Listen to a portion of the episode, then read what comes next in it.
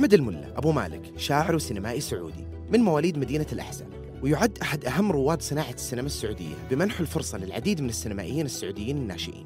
أسس وأدار مهرجان أفلام السعودية سنة 2008 تقلد مؤخرا منصب نائب رئيس جمعية السينما السعودية. لو جمعت أخطائي وعلى الجانب الآخر والأهم هو أديب وشاعر له العديد من الدواوين الشعرية. آخرها ديوان يوشك أن يحدث. ما بين الشعر والسينما وعن البدايات السينمائية لمهرجان الأفلام السعودية وعن الصعوبات اللي واجهها المهرجان في انعقاد دوراته نجلس اليوم مع الملا ونتكلم عن العديد من التفاصيل الهامة.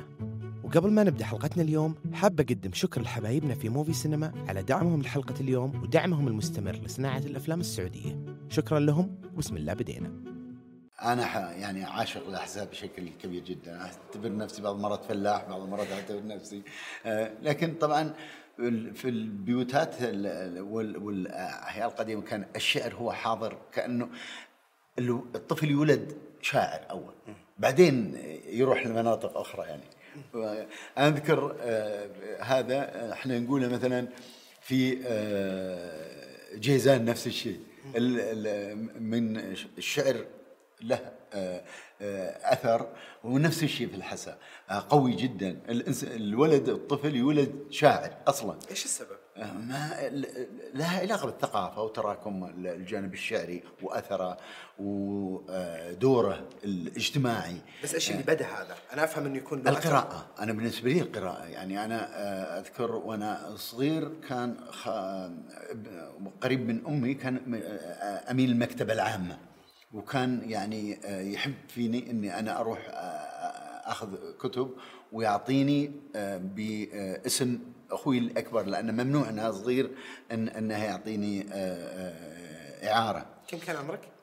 ما أدري الظاهر في في ال في ال في الابتدائي ابتدائي. في الابتدائي إي فكنت أخذها وأرجعها عليه أخذ وأرجع عليه وكذا بالكتب ألين يوم من الأيام كنت آه، في العيد هذا الظاهر في ن- متوسط أول متوسط آه، آه، الوالد كان الله يسلمه آه، الله يرحمه يعني الله يرحمه آه، في آه، وشو راح يصلي صلاة العيد أوكي؟ وأنا كنت أبغى أخذ العيديه بسرعة فرحت أنبش فوق الدولاب حقه. اي اي اي فذيك الفترة اللحظة أنا أعرف إنها هي اللحظة اللي لازم أخذها بسرعة لأنه في في, في الصلاة. فحطيت كرسي وطلعت على الدولاب ما أدري إيش والتجوري مقفلة وما أقدر أفتحها وكذا. لحظة كم كانت عيديتكم إذا كانت تنحط في تجول كم كان المبلغ؟ فجريت في كيس بلاستيك جريته وطالع آه، ورق أصفر. كتب كتاب واحد لكنه كان مشقق كذا وبدون غلاف. بس وتناثر فتوهقت.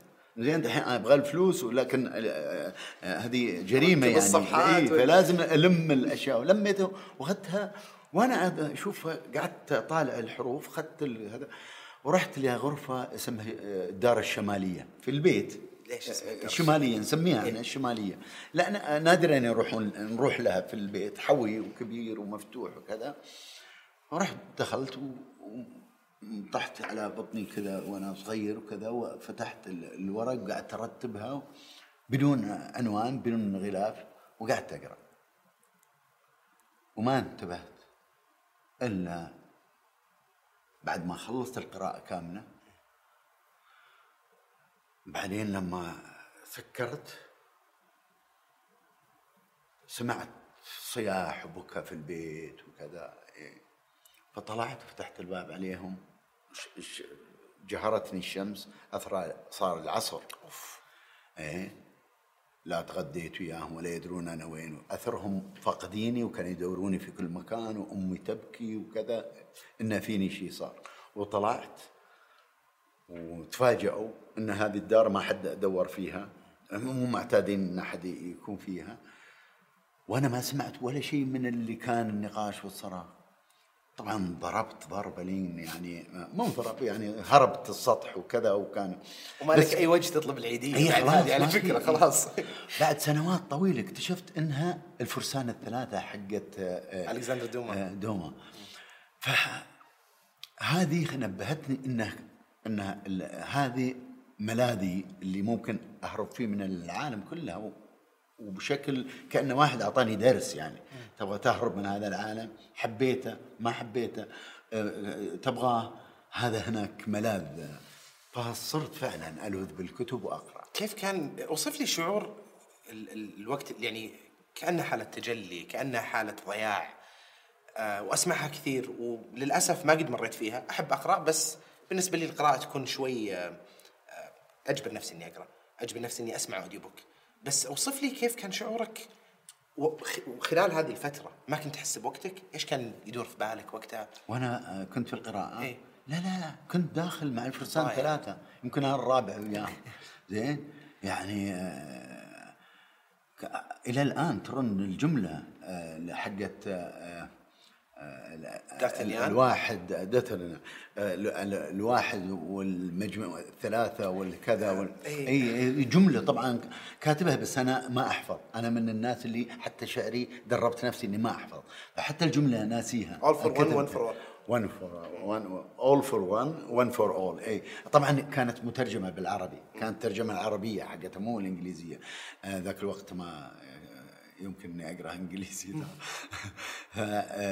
فالقراءه كانت آه، لما أدخل آه، ما أعرف الوقت أنسى الوقت تماما تماما تماما أنسى أخرج من المحيط حتى يعني أدخل في الحالة يعني. هذا جيد بدايات. كان ما هو جيد ما أدري ما هو حكم قيمة يعني ما هو بالضرورة يكون حكم قيمة ما ما له علاقة بس هذا حالتي يعني. فكان ال ال وكان غريب التركيبة بالنسبة لطفولتي يعني. ألعب كورة وكنت شاطر في الكورة وعندي فريق وكذا كرة قدم و آه، أحب القراية. فما كان هناك كان هناك فهم خاطئ إن هذول ما يركبون مع بعض. زين؟ ويعني بعض المرات نلعب في الحواري الكتاب يكون وياي. زين؟ وأشيله. حتى بعدين يعني في المتوسط الثانوي وكذا آه، بهذا الشكل. طبعا دخلت الموسيقى كانت مع الأغاني مع كذا كان اجمع 10 ريال وانتظر إلين آه، يكملون 12 ريال أروح أشتري كاسيت حق أم كلثوم. لكن كيف كان اشتري كيف كان كتاب عندي حصلته في المكتبة عن القصائد حقت أم كلثوم وفيه نوتات حتى نوتات اللحن. ما ما أعرف أقرأ نوتات اللحن. اي وأنا ما كان عمري سمعت ال ال ال الأغنية. أقرأ القصيدة وألحنها أنا على كيفي. زين؟ وأروح لما اجمع 12 ريال أروح أشتري الكاسيت. زين؟ مشي أروح للسوق أشتري الكاسيت. تذكر اول اغنيه كلثوم سمعتها ما بالضرورة اتذكر بس انه الكتاب كامل ألين جمعت ال ال ال الأغاني كلها. جميل. آه، و أنا آسف أنا قطعتك. كنت تقول تروح تاخذ الشريط وترجع. ارجع وأق- واظل يعني آه، أسمع ال- ال- واعيد في الأغنية إلى أن أوفر 12 ريال الثانية وأكون لحنت ال- القصيده ال- والله مرة كتبت نص عني عن طفولتي هذه.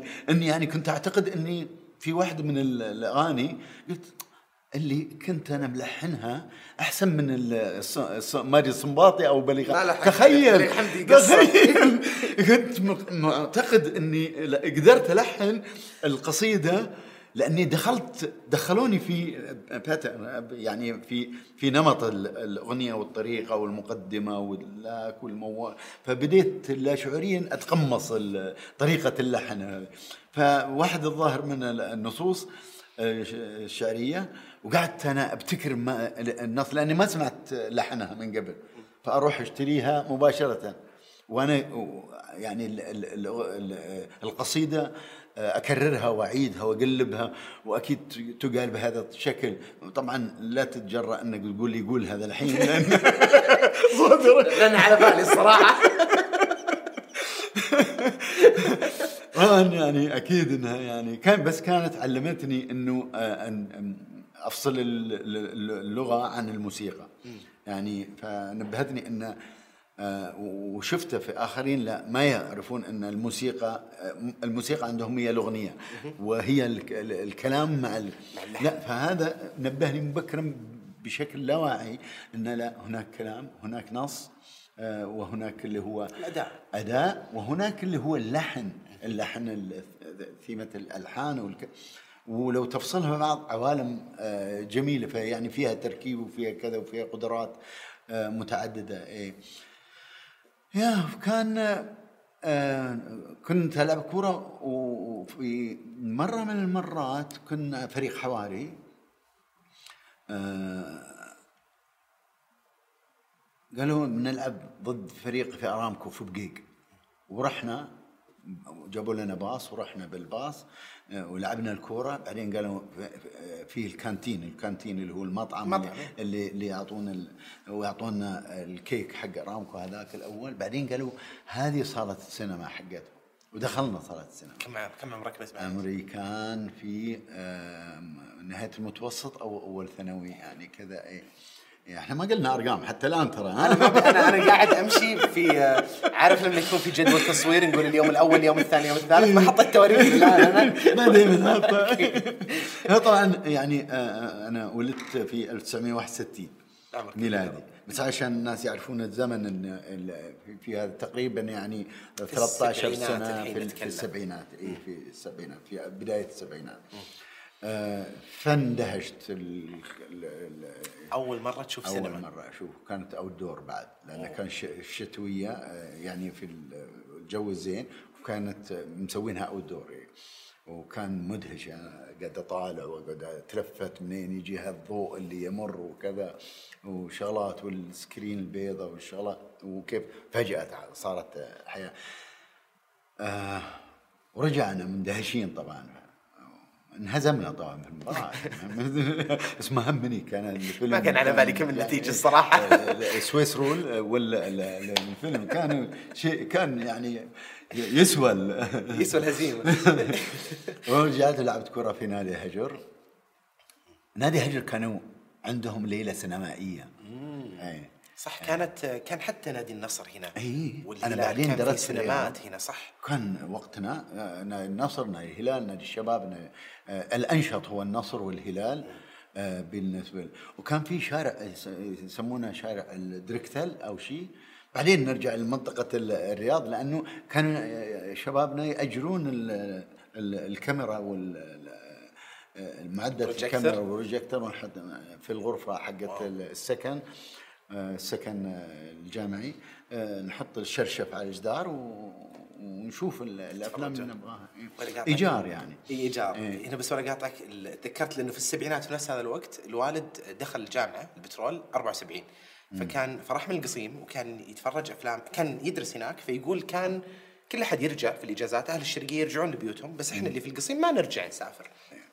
فكان يقول نجلس ما عندنا شيء نسويه لكن كان في واحدة من القاعات كان فيها سينما. فيقول لاول مرة في حياتي أجلس أشوف فيلم في قاعة مع ناس نشوف الفيلم مع بعض. يعني حتى على وقتها كان التلفزيون يعني يقول كنا مصدومين إنه التلفزيون جالس يجيب قنوات آه، من الخليج. أي. فكان يقول واحد من الشباب اللي معاهم آه، منعزل جدا في حياته ما طلع من القرية اللي كان عايش فيها.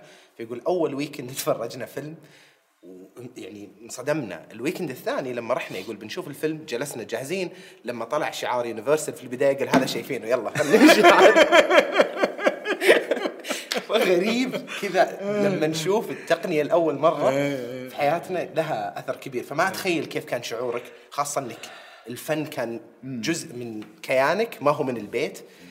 فهذا كان أول مرة تعرضت فيها للسينما. قبلها ما كنت تشوف أفلام لا التلفزيون موجود. في الحسا التلفزيون الظهراني يطلع عندنا التلفزيون. ال- ما سافرت أنا برا في طفولتي آه لا آه بس كنت طاقتي كلها حاطة في الكورة.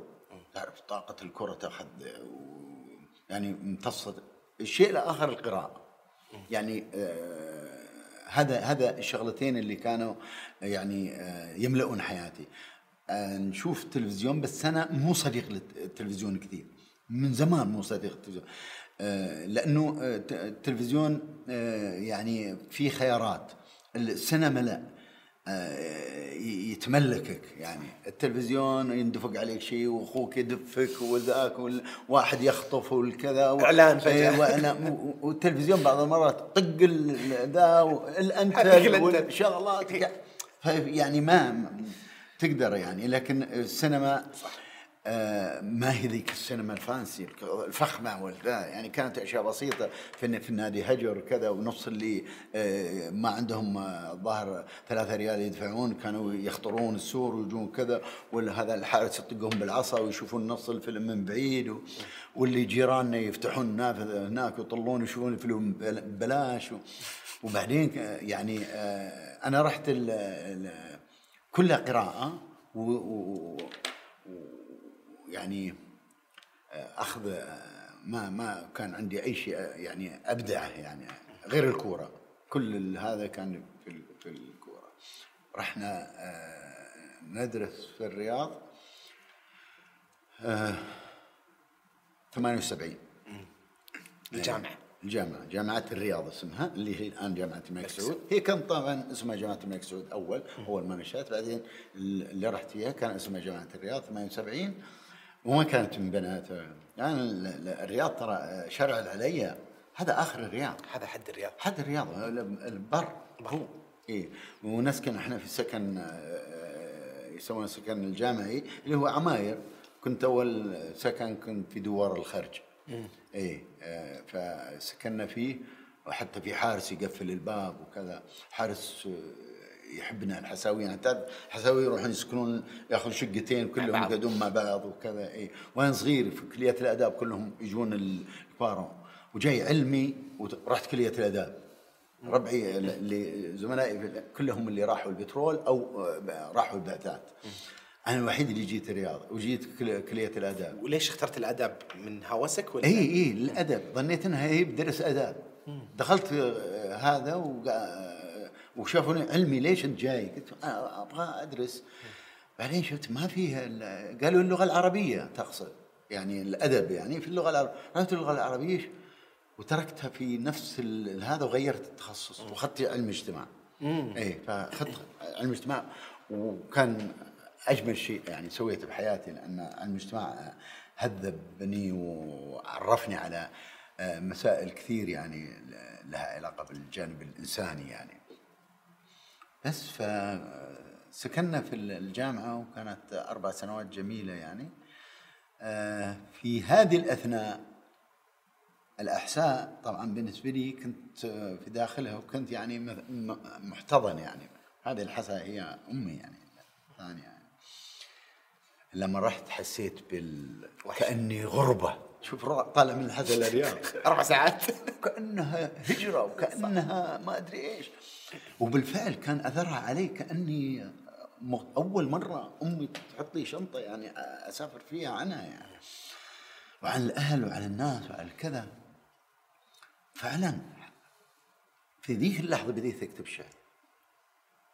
هذه اللحظة اللي بديت اكتب فيها الشعر تذكر لما أول تركت الحسن تذكر كيف كان الشعور وأول قصيدة كتبتها؟ إيش كانت؟ نفس أغنية أم كلثوم نفس اللعب. لأن كنا رايحين لحظة عميقة بعدين. لا لا. للأمانة كان شغلة يعني عجيبة. أذكرها طبعا أذكرها. غازي القصيبي كان الله يرحمه الله كان اعلن ذاك الوقت إنه كاتب مجموعة شعرية اسمها أنت الرياض. فيعني إيه فكنت أنا ساكن في آه، بعد آه، دوار الخرج كنا في شارع الملز جنب جبل أبو مخروق الحين في عمارة في جنب اسمها سكن عمرو بن العاص. سكن جامعي. أوكي. آه، اللي هو إيجار وكذا وكنا ساكنين فيه. وأنا طبعا مع شلتنا شو نسوي؟ الدراسة نجي يوم السبت الصباح من الحسا نجي السبت الصباح. تصور ما نجي الجمعة علشان السبت كان دراسة. بدايه الأسبوع. الاجازه كانت الخميس والجمعة. يوم السبت نتحرك بالسيارة من الحسا جايين الجامعة. ما نسجل ساعات فيها دراسة يوم الأربعاء. علشان نمشي يوم الثلاثاء العصر نروح الحسا. كل أسبوع. كل أسبوع راجع. تخوف. يعني يعني شيء آه طريق يعني ما كانت يعني أربع أيام في في الحسا وثلاث أيام في الرياض. يعني انتداب. ونروح دراسة. وكذا والقطار ذاك الوقت كان طويل ياخذ يمكن ست ساعات. وبعض المرات ننزل نركض وهو بطيء. نركض ونسبقه ونمزح مع القطار كذا إي. بعض المرات يوقف القطار ونقعد ونبسط بالهذا. فكنا خلاص نروح بالسيارة. ما كان عندي سيارة كنت أركب مع الزملاء وكذا. فالظريف في الموضوع. إنه فحركت فيني أنا جاء يعني احس بالغربه هنا زين؟ فسويت قصيدة رد على ال على ديوان إيه. و قروها اللي معي في ذاك. "آه، إيش فيك أنت؟ تودينا في داهية وكذا. إيش فيك؟ معقول قلت له برس بعطيه إياه. بعطيها الدكتور غازي بعطيه. كان وزير الكهرباء أظن أظن وزير الكهرباء. ذاك الوقت. وصلني ولد عمي الوحيد اللي عنده سيارة فينا. آه، الله يذكره بالخير ما بقول اسمه لأنه ما يبي يورط نفسه من ذاك اليوم. قال لي لا تذكرني طلعني من بهالأشياء." السالفه لو سمحت أنا بوصل. عندك خمس دقائق بمشي. بالضبط. نزلت ما شفته. إلى يومك. إلى لا ما شفته عنده لأنه وداني الوزاره قال لي أنا بنتظرك هناك وما بطفي السيارة. ما ب- ب- تنزل. رحت عند مدير مكتب الدكتور غازي. وطبعا كعادة الناس اللي حول الدكتور غازي ذا يعني مثله يعني جنتلمان يعني. كذا كذا هذا إذا قد أعطيت اياه قلت له هذا مع الدكتور غازي. قال لازم يتسجل الورق وكذا. قلت له لا هذا خاص. قال لا خاص اكتب عليه خاص. كتبت عليه خاص. قال لي دقيقة انتظرني. لازم ما دام إنه خاص يشوفه مع معالي الدكتور وأرد عليك يمكن يبغاك ولا شيء. هو دخل من هنا وحطيت رجلي ضرب ليه؟ ليه؟ ليه؟ إيش كان مكتوب في الديوان لا تقول لي ولا تلحن. بس الفحوى. ليش أنت ولد عمك خايفين جرية صايرة لا في كتبت مشاعري الغ... اللي, اللي كأني في غربة. و... وتكلمت عن الحسا وعن الكذا. كأني ألومة أو لأنه له تكلم عن الرياض. اصول في الحسا. وأنت الحين قاعد يعني أنا جاي الرياض وحاسس إنها يعني آه، عاصمة و... وضغط على هالفلاح اللي جاي ما, ما أدري يعني. قلت ما أدري شلون يأخذها ويا- بعد رحنا وخلاص نسينا الموضوع. خلاص رجال وزير ما فاضي. فاضي لك ولا بعد أسبوع يتصلون علينا من أهل الحسا. في رسالة شخصية من مكتب معالي الوزير بخط يده وكذا ولازم يستلمها. أحمد يجي الحسا يستلمها. يوم الثلاثاء العصر راجع أنت الحين. وأنا. وأنا خ... ما نمت يومين. يعني. قلت وش صاير يعني؟ هم خوفوني أكثر. يعني أعرف واحد في البريد يا خلي عبد الرحمن أخوي يأخذها وكذا وجابها ظرف كبير وكذا. وفتحته الظرف فيه آه، ديوان انت الرياض النسخة ال- ال- الخاصة اللي فيها غلاف مقوى وشغلات وفيها رسالة بخط يد الدكتور غازي ورسالة رقيقة فيها رقة الدنيا. وتحدث عن الحالة عن النص اللي أنا كتبت له عنه شعريا. وك وقال لي عنه كلام. أنا ما وش قاعد يقول عن هذا اللي أنا كتبته. قال يقول قصيدة جميلة وهذه كذا وأنا أبغاك أحمد تسوي كذا كذا. وذكرتني بقصيدة غريب على الخليج لبدر شاكر سياب وكذا. من هو بدر شاكر سياب؟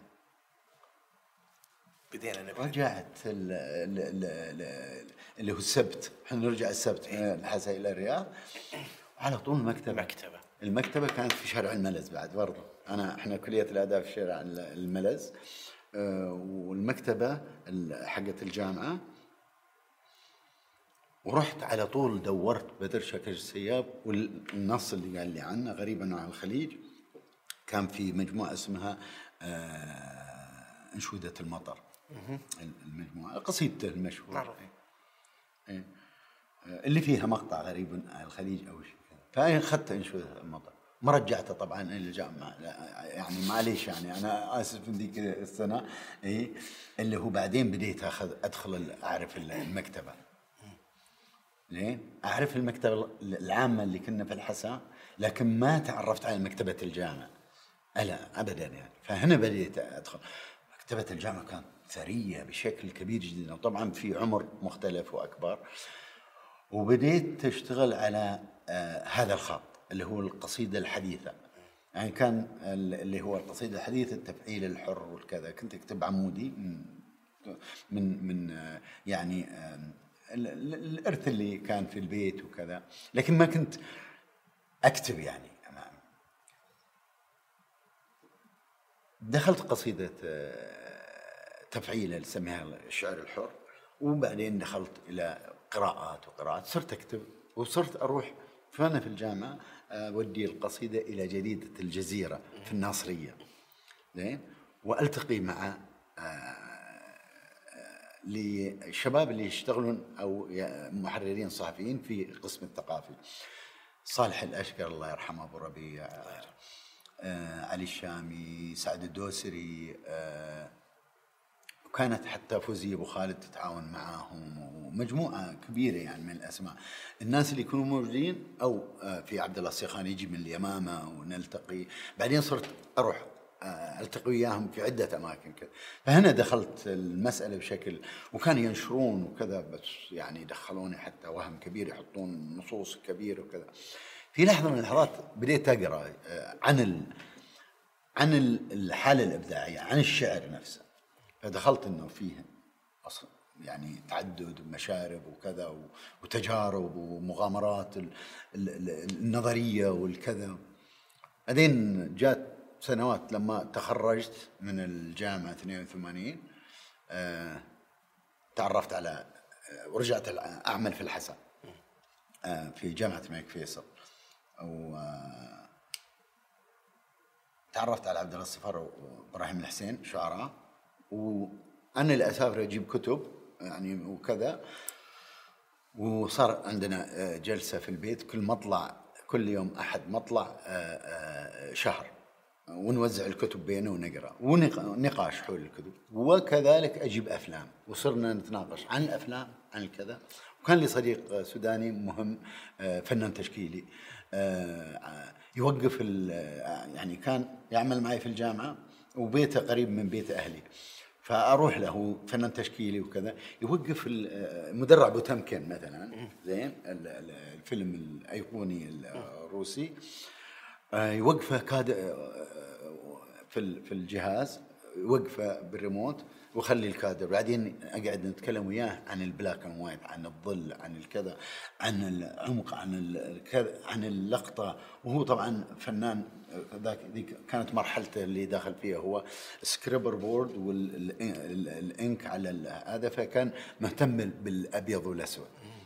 فدخلنا في رحلة طويلة في البحث عن تأمل الأشياء بنظرة حتى بعيدة اللي على مستوى الصورة على مستوى كذا. فهنا شفت إن آه، آه، السينما لها علاقة باللغة لها علاقة بالتشكيل لها علاقة بالموسيقى لها علاقة كنا نوقف ونخلي كذا ونقصر الصوت ونلغي الصوت نشوف أثر علينا أكثر ولما يكون مع الصوت شلون؟ اللقطة هذه واللقطة هذه الحديث النبرة فكنا المسألة بشكل شعري. ما هو بشكل يعني سينمائي. لنا في الشعر يعني فاللغة هي قادتنا في هال هال هالتفاصيل. كنت أسافر كثير وعرفت إن الخط حقي هو يعني أشبه ما يكون بالسينما الإبداعية يعني اللي هي مو بالضرورة تكون مشهورة بقدر ما هي آه، فيها الفنية. آه، فليني على آه، يعني تاركوفسكي على يعني من اليابان الشغل دريمز حق كروساوا والشغل كله يعني بعدين بيطلعون لنا هذول في لما في ال في ال في ال 2000 بعد ال 2000 بنشوف هذا شلون صارت. فكنت أسافر وأحصل عليهم. بعدين نجي ونعرضه بيننا وبين بعض. ونتناقش فيه. مم. أنا ما أتناقش مع سينمائيين. لا كنت أتناقش مع مع آه، شعراء وأدباء وكذا. وهذا دخلني في مسألة حتى على مستوى الشعر بعدين لأني دخلت قصيدة النثر. وظليت فترة طويلة مو قادر أكتبها ليه؟ لأن مقتنع فيها لكني لما أجي أكتب أجي يجي الإيقاع لأن أنا متربي على الإيقاع وعلى الوزن وعلى كذا فكنت آه، شاب وحماسي ومو مثل الحين أقول يجي لقاء يجي لقاء كل واحد ليش ما يجي؟ آه لا فكنت أبغى آه أثبت هذه القناعة النظرية أن قصيدة النثر إحنا أبناء اللحظة الراهنة، قصيدة النثر هي قصيدة اللحظة الراهنة، ذاك الوقت كنت أقول كذا لنفسي. كانت قسوة مهمة يعني لأن لازم أنك أنت بعد تتشبث في شيء وتقتنع فيه علشان أنك ما تخليها آه، سهلة يعني. عندما تمتلكه تقدر آه، ترخي يدك يعني. لكن إذا أنت مو ما امتلكتها وكانت يدك مرخية تضيع الأشياء في, في. فبديت اكتب قصيده ناثر عام 85 اي أذكر أول قصيدة كانت إلى إلى إلى فوزي ابو خالد يعني فوزي ابو خالد أهديت القصيدة. كنت معي ابني في في دخلة عند دكتور اسمه يوسف طبيب هذا. بدخلة في غرفة الانتظار وفجأة جاء الناس أول نص اكتب قصيدة نذر. اللي قبله كانت يجي تفعيله يجي وزن. فكتبته. كتبته وأنا فرحان. طبعا ذاك الوقت لا جوالات ولا شيء يعني فكتبته ما أدري إيش على أي ورقة. على مجلة. رحت وأنا فرحان وسعيد فيه ومنها اللي هو بديت في هذا. طبعا المجموعة الأولى ألغيتها وحرقتها. آه بعدين بدأت ما بعد ذلك في آه أول مجموعة عام 95 صدرت 95 آه، اسمها ظل يتقصف آه، من المؤسسة العربية لدراسات النشر ببيروت وعمان فالقصد هو أنه السينما بدأت مع مع الشعر. توازي. أي أي أي يمشون مع بعض. بعدين صرت ما أميز بينهم. أي صرت أشوف الشعر كأنه نص لغوي وأشوف النص اللغوي وأعترف انه هنا هنا إضاءة واجد يبي لها آه، تخفيف. المونتاج شغل المونتاج أول كانت السياق الزمني ما نبهني للسياق الزمني في النص الشعري إلا الفيلم. من واللعبة فيها وإنك أنت تقدر تقدم وتأخر وإنك أنت تعمل الكات وتروح وتخلي هذا ما اكتمل وتخليه يجي بعدين. هذا أخذته من من من, السينما. في الشعر. وهذا فادني كثير كثير كثير كثير في الشعر. علمني يعني ما لم أتعلمه في نظرية الشعر وفي اللي كتبوا عن الشعر أو في الشعر نفسه عن الشعر السينما اللي علمتني إياها هي أكثر شيء. كانت مرة آه، مثرية لي. يعني. كنت ذاك الوقت في الشرقية صح؟ كنت في الأحساء قريبة منك البحرين. السينما كانت موجودة في التسعينات. كنت تروح؟ لا. ما تطلع البحرين حتى. آه آه ما تطلع تروح تشوف أفلام؟ في ذاك الوقت كان كانت البحرين تروح باللنج. اي يعني قبل الجسر. قبل الجسر. جسر 86 أظن 87 لا أنا أتكلم عن التسعينات ترى الحين آه. بعد نشر الكتاب أي بعد أي نشر الديوان. لا آه كنت كنا نروح البحرين كنا أوكي. بدينا نعرف أصدقائنا الشعراء وكذا لكن ما أروح سينما لأن السينما السينما العامة ما هو ما هو هواي تجارية ما كانت تستهويك. ما كنت حتى أعرف إني أسميها تجارية يعني. كنت السينما لا إحنا نختار أفلامنا كنا. ما حد إيه؟ يختار. ف وأنا أسافر كثير كنت ومهووس بالسفر. وما حد يقول ها الا أطير أول واحد يعني أسبقه الرحله التالية. بالضبط إيه؟ ما سميناها الرحلة التالية. واذا رحت أي مكان خاصة في أوروبا وكذا لازم أروح على طول أجيب أفلام. طبعا كان ذاك الوقت دخول الأشياء صعب. كتب اوسع اشرطه بس كذا في شغلة حتى أصدقائي ما يقدرون يسوونها. ولذلك لبسوني هذا العيب إن أنت اللي تقدر تمرر الكتب أنا ما كنت أمرر شيء تعرف شو اللي صار؟ إن أنا من جيل اللي طلع من كلية الأداب هذا الجيل فيه ناس من قسم الإعلام وصاروا صداقات وهم الجيل اللي توزع على المنافذ وعلى المطارات وتعينوا فأول ما أدخل عندهم هلا شلونك؟ تذكرني نتعرف على بعض وخلاص ندخل الكتب تمشي من هناك أصلا. قاعد تسولف. خلاص بس لا الجمارك يقول لك وده الإعلام حتى لو كتاب واحد وده الإعلام. فتروح تشيل الشيء وادخل الإعلام. أهلا شيء بالحال آه خلاص عطني البس الورقة. وجعها وروح يعني استخدام شخصي ماني تاجر أروح في نفس الوقت خلاص صارت الكتب تمر بهذه الطريقة. عندي صديق كان بعدين صار في في الجسر صار عندي صديق في في مطار الظهران صديق في الخفجي لما نروح الكويت صار في عندي صديق لما نجي مطار الرياض. لا، لأنهم الجيل هذا كله هو اللي تعين. انت أنت المهرب الأدبي ابو تركي الأدبي. وكانت بالصدفة يعني هم كانوا الجيل بعدين صرت تعرف إن فيه مهمة هنا ومسؤولية وموظف يعني. فصار لما أجي أجي مثلا معرض القاهرة الكتاب ولا معرض ال- البحرين الكتاب كذا أتصل على أحد أصدقائي يقول لي لا والله اليوم في جاز بكلم لك فلان. خلاص يكلم فلان أجي ويقول له سلم عليك فلان. خلاص يمشيك فكنت أستطيع أني امرر أشياء كثيرة. كلها طبعا أدبية كلها. أدبية ما فيها أي مشاكل بس اي يعني بس كان أول لازم إنها تقرأ ولازم إنها تفحص ولازم كذا وطبعا في بعد كتب فيها يعني غير أدبية يعني فيها كتب مختلفة يعني فكرية وفلسفية وكذا. وكانت أعرف إن هذه ممكن توقف يعني في ذاك الوقت يعني. فهذا الزين يعني إنه مشينا هذا. لكن هذا فادني لأن كنت أجيب حتى أفلام آه، أفلام يعني أول VHS بعدين DVD يعني في بدايات كان VHS العريض بعدين DVD وصار عندي مكتبتي السينمائية. يعني في في آه، بعدين انتقلت إلى إلى الخبر ظهران آه، واشتغلت في نفس فرع الجامعة. في هناك آه، واشتغلت في جريدة ال- اليوم أتعاون في الصفحات الثقافية هذه أول بداية كتابتك الصحفية ولا كنت أي- اشتغلت أي. على شيء قبلها؟ آه، كنت أرسل لهم مواد ينشرون نصوص ينشرون كذا كذا لكن بس ما كانت وظيفة إيه، ثابتة. لا وهذه ما هو متعاون في الصحافة أنا كنت في الجامعة لا زلت أعمل في الجامعة فكنت متعاون لكن كان في ملحق مهم جدا ثقافي في ذاك الوقت في اللي هو في نهاية الثمانينات مع بداية التسعينات. الملحق الثقافي على جريده اليوم. ملحق ثقافي يعني كان يعني كمجله يعني ثمان صفحات.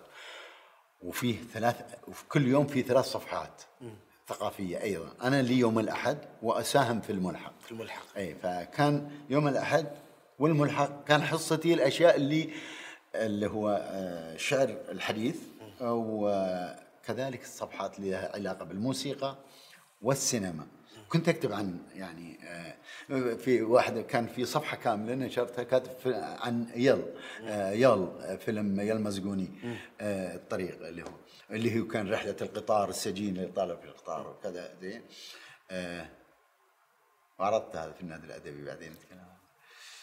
آه. هذا لأنه رحلة قطار. أنا لازم أروح الحسا لاهلي وكذا. فوقفت السيارة في ال- في في البيت أو في محطة القطار ورحت الحسا بالقطار. علشان أدخل في الفيلم. طبعا أنا عارف أجواء القطار لكن قلت هالمرة ذي وأنا أكتب عن الفيلم أبغى ودخلت فيه وكتبت الله. إيه. بس ذاك الوقت طبعا ورقية ما هي آه، الحين. أتمنى أن أحصل على نسخة منها لكن كان هذا. فكان كتابي كلها عن المازقوني يعني. إيه. فهذا كان ال- آه، في التسعينات يعني في بداية التسعينات. بعدين تركت الجامعة واشتغلت في الصحافة الرياضية. هنا جريدة الرياضي. جريدة الرياضي إيه. حلو. من 96 97 إلين 2003 إلين 2003 آه، رئيس التحرير. كان. فكنت استدعيت آه، ذاكرتي الكروية لأني كنت بعد آه، ما قلت لك مسكت مدير كره آه، في نادي هجر لما قبل ما أنقل من الحسا وكنت عضو مجلس إدارة بالانتخاب وكذا آه، في نادي هجر. إيه. بس بديت أترك هذا ودخلت أسوي نشاطات في الحسا في جمعية الثقافه والفنون أسوي نشاطات آه، ثقافية. وجبنا ناس كثير يعني الثبيتي الله يرحمه وسعيد سريحي والشعراء الحداثة وكان الدكتور سعد البازي أول ما رجع من من من الدراسة في أمريكا كان و وكان سوينا نشاط في الاحساء صارت شغلة كذا وخلتني أطلع من الحسا وجيت الدمام. فانتقلت للحاله الرياضيه رجعت للحالة الرياضية. إي. وحبيت هذا. ورئيس تحرير وأنشأنا الجريدة وظلينا نشتغل فيها من زملائي وليد الفراج آه، منهم عوض صقور الآن في جريدة الرياضية و آم، كثير كثير أسماء ما أبغى يعني. آه، أنا الجريدة الرياضي آه، يمكن الجريدة ال- ال- المختصة الوحيدة أو الرياضية الوحيدة اللي فيها صفحة ثقافية. وثقافية شاطحة. بحتة. م- م- بحتة. يديرها عبد الله السفر ك- يعني مسؤول عن الصفحة يشرف عليها. فلن أصدقائنا اللي, اللي من الجانب الآخر في الذهن الجانب الأدبي. الجانب الأدبي. صار يكتب عندنا أدونيس مقال شهري لأن هي صفحة أسبوعية فكل أسبوع واحد. أدونيس قاسم حداد أمجد ناصر الله يرحمه ومحمد العلي. إيه. فكانوا ما حد مصدق. آه يعني هذول يكتبون في جريدة رياضية. صار انقلاب ثقافي في الجريده ترى اللي تعالوا هنا بس خلوكم أنتم اكتبوا هناك أنا جاي. فيعني كان تمزج بس بين حلو انك حطيت لمستك في كل مكان قاعد تروح. حلو انك قاعد لأنه برضو الرياضة فيها جانب ثقافي بعد بس حلو انك حطيت اللمسة؟ الكورة أنا بالنسبة لي بديت أتعلم إني أشوف هالشعر قبل ما أقرأ آه، مانجويل. زين آه، كتابة عن كرة فن ال- ال- اللي هو عن كرة القدم وكذا. كنت أشوف الكرة فن. كنت أشوفها شعر. آه، يوسف ثنيان. شاعر. مجد عبد الله. شاعر. شاعر شاعر يعني بال آه، ما هو مجاز. شاعر. حقيقي. ما يمكن يختلف عنه إلا في شيء واحد. أداته الكورة. هذا أداته اللغة. بس. لكنها الشعرية يمتلك من يعني من أهم الشعريات ال- في في آه، مرت في حياتي أنا مثلا أشوفها. آه، يوسف ثنيان وماجد عبد الله. شعراء. هو إتقان أحس هو إتقان القوانين. الشعر له قوانين الكتابة لها قوانين. وخروج عنها والخروج عنها بالضبط. آه في كتاب مرة رهيب آه اسمه هومو لودنز لودن باللاتيني تعني اللعب. فهومو لودن كان يقول إحنا ما إحنا هومو سيبين إحنا ما هو الإنسان اللي يفكر أو الإنسان اللي يمشي إحنا الإنسان اللي يلعب. آه لأن اللعب جزء أساسي من آه ثقافتنا كبشر. والكتاب كان مكتوب 1900 تقريبا أو نهاية ال ال 1800 آه وما كان يتكلم عن لعب الألعاب. كان اللعب لما توقف في مسرحية أنت عندك دور وعندك قوانين وعندك قواعد. لما تكون تلعب رياضة أنت عندك قواعد واضحة جدا وقوانين والجمهور يتوقعون إيش اللي راح يصير. الإتقان دائما يكون في إنك تأخذ القوانين وتلعبها بالشكل الصحيح وزي ما تفضلت تكسر القوانين كل مرة ثانية أو تروح المهارة. للمساحات. المهارة. المهارة مع المعرفة معرفة ال ال ال ال الأداة اللي أنت تمارسها. هذه آه، تشتغل مسرح تشتغل سينما تشتغل آه، الأداة هي إيش؟ لازم أنك تعرفها وأنت تمتلك هذه المهارة. لكن أي شيء بتنتجه أي شيء بتنتجه منتج قبلك أنت قاعد تنسخ تقلد آه، تعيد تكرر وتنحط على الرافع من ضمن المتقنين. المهم إحنا الحين نتكلم في كرة القدم مثلا ليش؟ اللي باقي عندنا في ذهننا يوسف ثنيان الحين ماجد عبد الله. هذول مو فقط أجادوا وأتقنوا وأدوا by the book مثل ما يقولون. بالقوانين. لا دخلوا عليها لمستهم. طوروها. لمستهم ال- الخاصة الأسلوب. هذا ثنيان هذا ماجد عبد الله. ولذلك تلقاه إنه مثلا تقدر تقول أنا هذه طريقة هذه طريقة. ما تقدر تحطه ضمن ال ال ال ال ال الآخرين اللي ممكن يكونون بنفس السواسية. لا هذا تفرد له جناح كامل باسمه لأنه بيجون ناس من بعده يصيرون لأن هذا اخذ طريقة ثانية. صنع مدرسة. أي صنع مدرسته آه وهذا آه كنت أشوف الشعر في في هذا الجانب. أنا أدخل إلى الآن. أشوف مباريات واستمتع فيها. آه بهذا الجانب الشعري. فني. الله بعض المرات في لعبة تقول الله. كأنك سامع آه شاعر كذا وقلت له الله. نفس الشيء. لقطة آه سينمائية. شدتك. تبي ترجعها. أوف. الله. كذا. صح. والكرة بعد فيها جانب إضافي إنك ما تدري الأمور وين رايحة. في دائماً. مجال كبير للمفاجأة أكثر من ال إلى اللحظة الأخيرة. صح. إلى اللحظة الأخيرة. وهذا هذه عاد ترفع الأدرينالين. هذا اللي, اللي, اللي بهذا الشكل. الشعر في كل شيء. اكتشفت بعدين أن الشعر في كل شيء. كل شيء. ما في شيء ما في شعر. اللي ركب هاللمبة هذا زين حط لمسته الشعرية. بعض المرات ما يدعي انه شاعر. لكنه هو فلاح شاعر. البستاني اللي يشتغل على الكذا وتطلع من بني هذا شاعر. إذا اخفق في الصنعة اخترب المنتج. خلاص ما الماهر اللي يعطيك هذا المنتج أنا في الأخير أشوف إن الشعر حتى بعض المرات في الجماد. يعني لما تيجي تشوف شيء كذا علاقة شغلتين مع بعض هذه فيها حالة شعرية وما بس عيد النظر شوي. ليه؟ هل هو هل هو لأنك لسه تراك لسه ما جاوبتني على السؤال اللي كنا نتكلم فيه قبل. هل لما تشوف شيئين جمادين مع بعض آه بعدين أنت هل أنت تطرح المعنى فيهم؟ هل هذا شيء داخلي فينا ولا الشاعريه هذه موجودة في الأشياء نفسها؟ هل هي منظورنا؟ كيف؟ اثنين كيف هو هو هو إعادة المعنى وإعادة الاعتبار للمعنى. المعنى متفق عليه. متفق عليه بين الناس ولا كان يعني وهي اللغة في الأصل. اتفقنا على مثل مثل كودات قوانين قوانين إن هذه تعني كذا وهذه تعني كذا هذه هذه مفهومها كذا. خلاص اتفقنا عليه. هذه تحولت إلى اعتياد. والاعتياد ضد الشعر ضد الشعرية. من حالتين من حالة المتلقي ومن حالة الصانع. يعني في أظنها مقولة ابن عربي اللي هو يقول لك شدة القرب حجاب.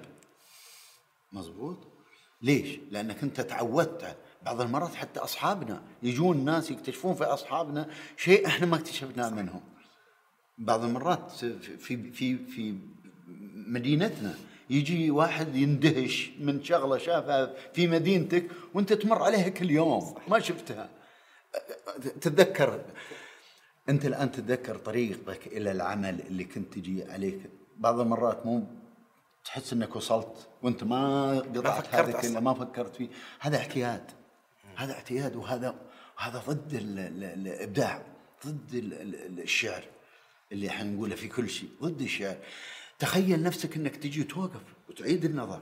تقول أنا اليوم بشوف الشجر بشوف الكذا لا تسرع خلنا نخفف. وتطالع وشوف ما في شجرتين مثل بعض. شلون أنا ما انتبهت له انه هل ما يتشابهون ترى كانت مايله هذه من أمس. انتبه لها يا أخي بشكل شعري. كلمتك عن عن السوداني الفنان السوداني اللي اللي آه، آه، إي وقف لي كان بوتمكن اللقطة اسمه محمد عمر بشاره الآن يعيش في اوكسفورد مشهور جدا فنان تشكيلي مشهور وأعطوه وجوده هناك كان معنا في الحسن. كنا في نقاش مسائل كثيرة لها علاقة بهذه مثلا المعنى وما الشعر. مرة أخذني في سيارته. سيارته ترى يعني أحبائنا السودانيين تعرف ما يعرفون يسوقون كويس. ويداك ويسوق وكذا. وأخذني قال لي إحنا وصلنا إلى النعاثل النعاثل حي قديم. قال لي آه، أحمد؟ قلت له قال لي غمض عيونك. طبعا جايين في سياق كلام طويل وكذا عن فلسفة الأشياء وكثير من آه، الأفكار والتفكر في الأشياء المجازية قلت له أوكي. غمض عيوني قال الآن تفتح عينك على شيء. لا تتخيل أي شيء جاهز. تخيله لونا. لونيا. يعني هو فنان تشكيلي. تخيل له لونيا. إيش يقصد لونيا؟ لونيا يعني شوف اللون اللي فيه. بس لا تركز لا بالأفكار لا تحكم عليه. لا تأخذ معناه المتفق عليه. خذه ضمن سياق من الحديث طبعا. قلت له أوكي. قال لي صفي ذهنك افتح عيونك. صفيت ذهني فتحت عيوني. موقفني قدام. قطعة شوف الحين بوصفها لك كيف أنا رأيتها. آه، حديد أصفر أصفر لونه أصفر نازل من ألوان خضراء كذا عليه. زين؟ على الأصفر هذا. وأشوفه وفيه ظل جاي وفي شمس ساقطة من هذه الجهة. وفي شيء مفتوح بعدين في شيء تعرف أشعة الشمس اللي تطلع مو بخار لا مثل الرذاذ ال- ال- لما تدخل من النافذة وتشوف كانه كأنه شيء يطير في وسط أشعة أي الشمس. ال- الهباء المنثور. هباء المنثور. أنا إن شاء الله عليك شعر. والله العظيم. طالعتها بهذا الشكل. قال لي شو تشوف؟ قلت له آه لوحة فنية الأخضر والأصفر. قال لي يا الحين تقدر تقول قلت له يلا آه، سبيته طبعا. زبالة. حاوية قمامة. حاوية قمامة. واو. أمر عليها كنا نروح ونجي وكذا ونتلطم. من آه، رائحتها الكريهة. أنت جردت من المعاني وشفت الشيء كألوان كصورة كانعكاس الشمس؟ لا و- ومو بس كذا مو بس كذا. يعني هي كذا و وش نقدر نضيف لها؟ إنه يعني تجرأت على إنك أنت آه، اللي انصبوا القوالب اللي ثبتت عن- عندي أنا زين بديت أهشمها يعني أخفف من قسو من من صرامتها. صرامتها اللي إنه خلاص ما أشوف إلا اللي شافوه اللي هم شافوه بهالطريقة. لأنه هو نتاج شوف ومفاهيم عنها وكذا وسميت زبالة وقمامة وكذا واتفق عليها إنها تصير بهذا الشكل. هذا شيء سبقني. أنا جيت أكمل بس. صح لكن بشوفها خلني أشوفها بشكل آخر. ما ما بيضر هو لازم تكسر هذه القاعدة. أنت أصلا مو طبيعي ما هو منطقي ابدا ولا هو طبيعي لبقائنا إننا نوقف ونشم كل وردة ونناظر كل شيء ونتفرج فيه. بس جميل جدا إنك تكسرها. ما أذكر مين اللي قد ذكر هالشيء هذا آه، كان يقول إنه إحنا عندنا مجاري للأفكار في مخنا. تخيل جبل من الثلج والناس تنزل فيه تتزلج. مع الوقت يصير ما تختار طريقك. أنت وأنت نازل عندك الطريق هذا يمين واللي يسار اللي شقوه ناس لمدة شهور من التزلج. آه، حاول توقف بعض المرات وتغير هذه المجارات أو ال- ال- المجاري أو هذه المسارات وتروح تاخذ لك خطك أنت. وتشوف اللي كنت تشوف تمر فيه لأن نظرتك له راح تكون مختلفة تماما. في اللغة العربية محمد؟ يا أخي أنا ماني من الناس اللي آه، شوفيني يعني ما- ما- ضد هذا. أنا أكيد في اللغات كلها جميلة. الناس ما دام إنهم يتكلمون بلغتهم اللغة بس في اللغة العربية شيء يمكن فيه ندرة عن كثير من لغات العالم مهمة اللي هو الكلمة وموضعها ليست الكلمة فقط. في الإنجليزية street خلاص street تقدر تقوله في كل المواضع هو street أنت من ساعة قلت لي الطريق. لا هو مو الطريق هو الدرب. درب. ليش؟ لأن شقوه اللي قبل. الطريق لا يقال عنه طريق إلا شوف اللغة العربية إلا إذا أنت بدأته. واو. تسميه طريق. أو إنه م- ما حد سبقك عليه. هذا ط... ولذلك يسمى طريقة. قلنا ماجد عبد الله عنده أسلوب طريق وطريقة. طريقة. هذا لأن هذا اللي. شقه الآن. شكراً. الدرب هو اللي مش عليه الناس قبله. يعني أنا أجي اقلد يوسف ثنيان في الكورة هذا درب يوسف ثنيان. زين؟ لكنه هو طريقته طريقة يوسف ثنيان. فهمتك. في مقطع عندي قديم من آه، المجموعة الأولى. إن قدما لا تنتقي دربها لا يحق لها أن تفاخر بالطريق. ما يحق لك أنك تقول أنا شقيت. أنت أنت انتقل خطوة خطوة. وعرفها إذا ما انتقيتها وانتبهت لها أنت مدفوع ضمن ال- ال- ال- ال- ال- الجموع وتقول لي أنا ولذلك موضوع كلمة عصامي اللي أنا قاعد تدور في ال- ال- الوسط الاجتماعي وكذا يعني يجب الانتباه لها. باللغة العربية. جميل الفرق بين درب وطريق شكرا لك. في الثعالب عنده فقه اللغة يسمونه فقه اللغة. هذه اللي هن هذه مثلا جاء. أوكي؟ مو تنطق على اي على أي أحد. لا. ها. أتى وجاء أقبل. كل واحدة توضع في موضع محدد. ما تصلح إنك إذا قلت له أقبل معناها إنه أول مرة يجي. إذا جاء معناها إنه ما أدري الفروقات اللي بينها أتذكر بس كل واحدة لها توظيف. كل واحدة في مكانها. إذا حطيتها في مكان غلط تصير أنت ما ما عرفت اللغة كيف استخداماتها وكذا. فإحنا في ال في ال الأشياء العابرة اللي نعبر عليها في حياتنا وان إحنا نتعود عليها هذه هذا التشييع اللي يسمى تشييع. هذا هو. أنت ما يكون عندك وجهة نظر خاصة. لا هو مرسوم أنت قاعد بس تأديه. ممكن أي واحد يجي يأدي بنفس الطريقة. كيف تكون بصمتك أنت؟ كيف حضورك؟ اللي هو قال عنه بوكوفسكي الاسلوب style. لازم البارح شغلناها مع ناس نتكلم عنهم عن أسلوب وكذا. أسلوبك أنت الأسلوب يسمونك آه، آه، الأسلوب هو أنت. الأسلوب. بدونه مو أنت. صح. ما في أنت أصلا. إذا ما في أسلوب إذا ما في أنت. أنت أحد آخر نسخة مكررة من اللي يميزك هو أسلوبك. هو الأسلوب بس. إيه. هذا الشعر. هذا هو الشعر اللي في كل شيء. اللي أقول لك حتى في الأشياء الجامدة. في الأشياء الجامدة. توقف على آه، آه، باب مصنوع وكذا تقعد تأمل فيه يا أخي.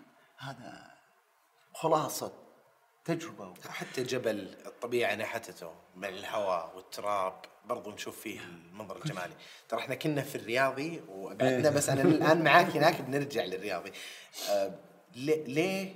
آه أنا كان سؤالي اللي قبل قبل ما نبدأ نصور كنت أسألك ليش لما تلقى كلمات بطريقة معينة تقولها بلغتنا وبحديثنا اليومي آه وقعها يكون أقل من الشعر؟ إيش الوقع الوجودي علينا على تجربتنا الإنسانية؟ ليش قصيدة معينة أو بيت من قصيدة لو حكيته بطريقة ثانية ما يكون له الأثر اللي تكلمت عنه اللي قلت أنت الموسيقى الداخلية اللي هي التركيبة للجملة المعنى. ليه؟ ليه ليه, ليه في هذا الفرق؟ الشعرية في الشعر أوكي؟ مثل ما قلنا الشعرية هي كل شيء آه، لذيذ وممتع ومدهش وفي هذه الحالة ده. هذه ما في أحد استطاع يعطي معنى وتفسير لكلمة الشعر. عبر التاريخ شوف كل ما كتب هناك اختلافات لا الشعر هنا يكمل هنا من ال يعني الجرجاني عبد القاهر الجرجاني من أهم نقاد التراث الأدبي في في العربية يعني. من متقدم يعني لا ينظر في الشعر على أنه وزنه هذا شكل الشعر ذاك الوقت. لكن وين الشعر؟ أها دخلنا منطقة ثانية. آه، فالشعر هو اللي يخليك تندهش. بس. ولذلك أنا أقول لك إياها أنا بعض المرات أندهش من من لقطة أندهش من من جملة. من اللغة اندهش من طريقة من أسلوب. هذا الدهشة هذه هي آه، آه، يعني جذوة الشعر اللي يعني تدخل عند المتلقي.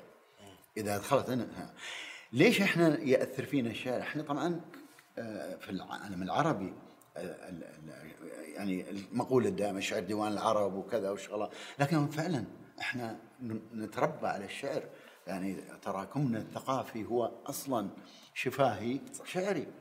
يعني قبل حتى ال ال ال الإسلام كانت كان الشعر هو يعني هو سيد التعبير كله يعني. القبيلة اللي يكون فيها شعر يكون كأنها وزارة إعلام كأنها كأنها نزل عليها يعني مجد يعني. قبيلة قبيلة كبرى ما يكون عندها شاعر يكون قبيلة صغرى عندها شاعر أو قبيلة ايا كان يعني أي هذه التشكيلات الاجتماعية. فالشعر هو آه، الحافظة آه، آه، يعني الذاكرة وهذا سياق يعني في الجينات أصبح يعني. الشعر بعد كذلك هو الدهشة وانه متحرر من القيود. يعني أنت تعرف كان في تقاليدنا العربية يقدر آه، آه، آه، الشخص لو قال جملة خارج الشعر وقالها بطريقة أنه يعني هذا ليس شعرا بس قالها ينجلد ينضرب يساء له. ليش؟ لكن لو حطها في الشعر تغفر له. الخمريات مثلا وال, وال في, في, في الشعر العربي مثلا.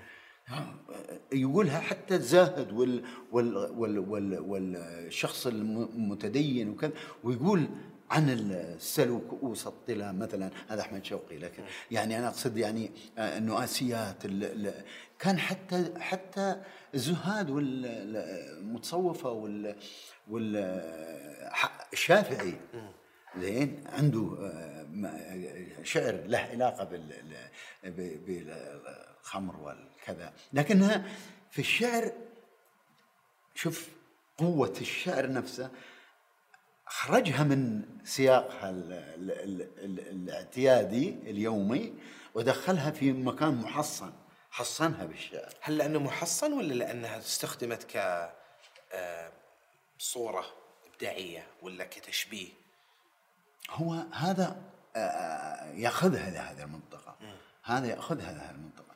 لأنها المجاز والقدرة قوه النص الشعري هي اللي تخليه يبقى يعني هذا شعر. يعني الناس توقف على رجليه وأعد هو ما قبله وشغلات من في ذاك الوقت كان يقال.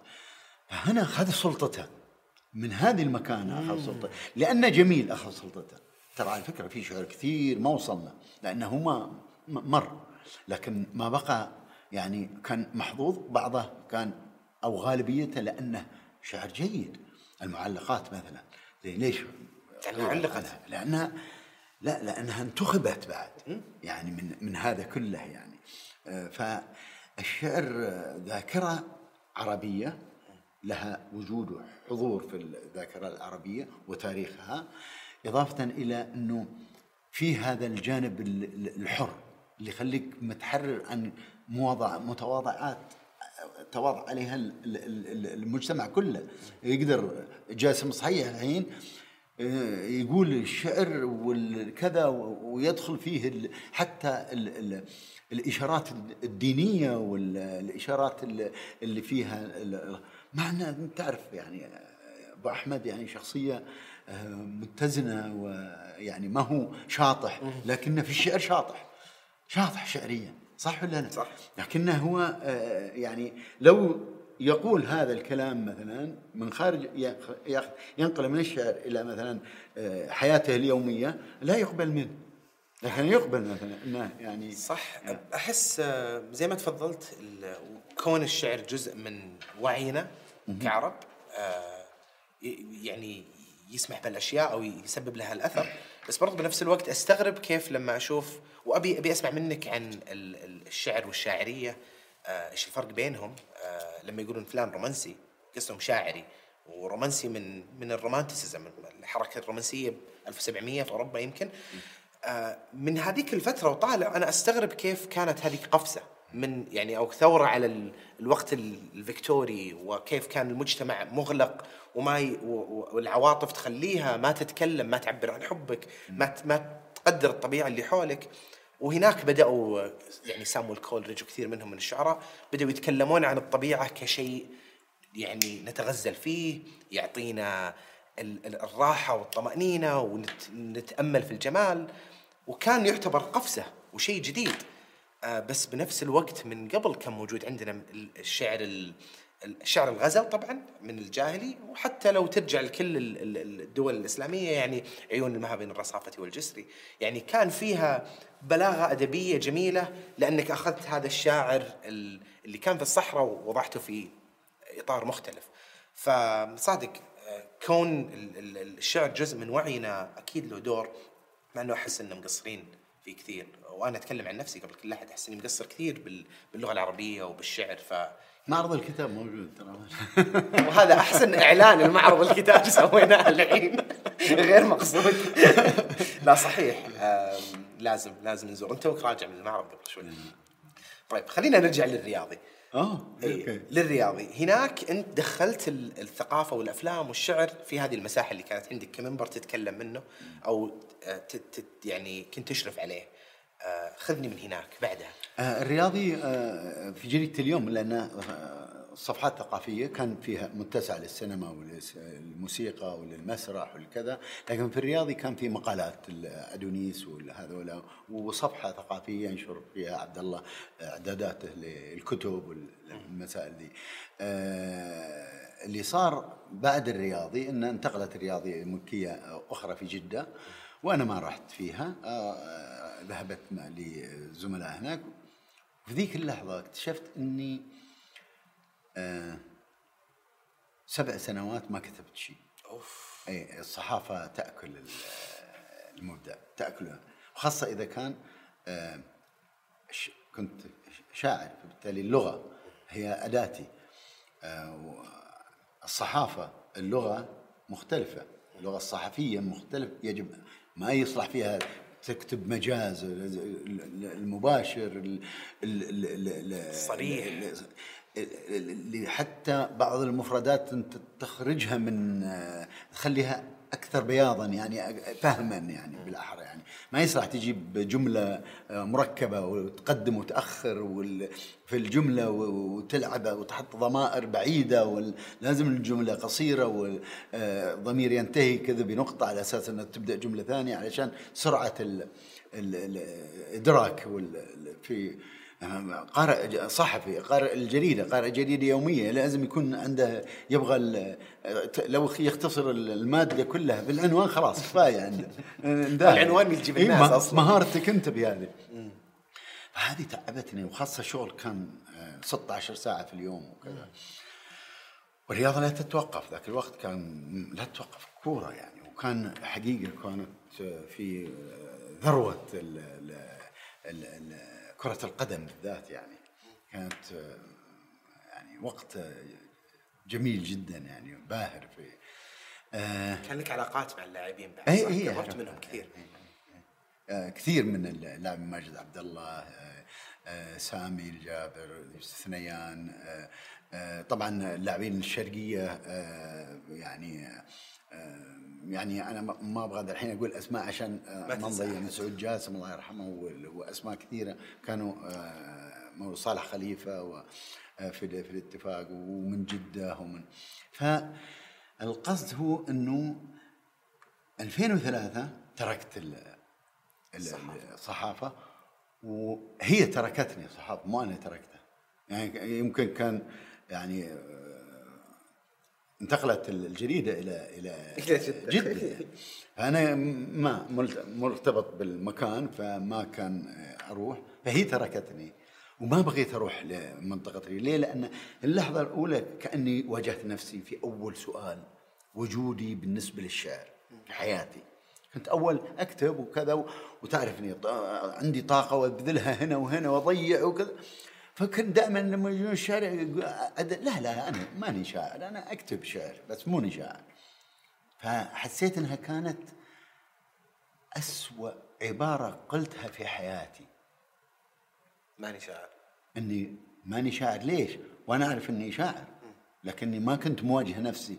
وصرت أقول لهم أنا ماني شاعر بس أكتب يعني خواطر واللي تيجي على بالي وكذا مع إني أنا مصدر كتابين. في يعني في 2003 قد إني أصدرت كتابين يعني ظل يتقصف وخفيف ومائل كنسيان كلهم من بيروت. 95 97 لكن كان نوع من ال ال ال باب الهروب عشان ما ألتزم. ألين هذه النقطة اللي لما تركت جريدة الرياضة. سبع سنين ما سويت شيء. ما كتبت. ما كتبت. وليش؟ انت أنت من أنت؟ إيش تبغى تصير؟ ليش يعني تروح طاقتك كلها تحطها في شيء بعدين تقول خلاص يعني. صحيح انها وظيفة وأكل عيش وكذا لكنها في نفس الوقت علمتني إنه من بعدها من 2003 لم أنتظم في عمل ما أحبه. ابدا.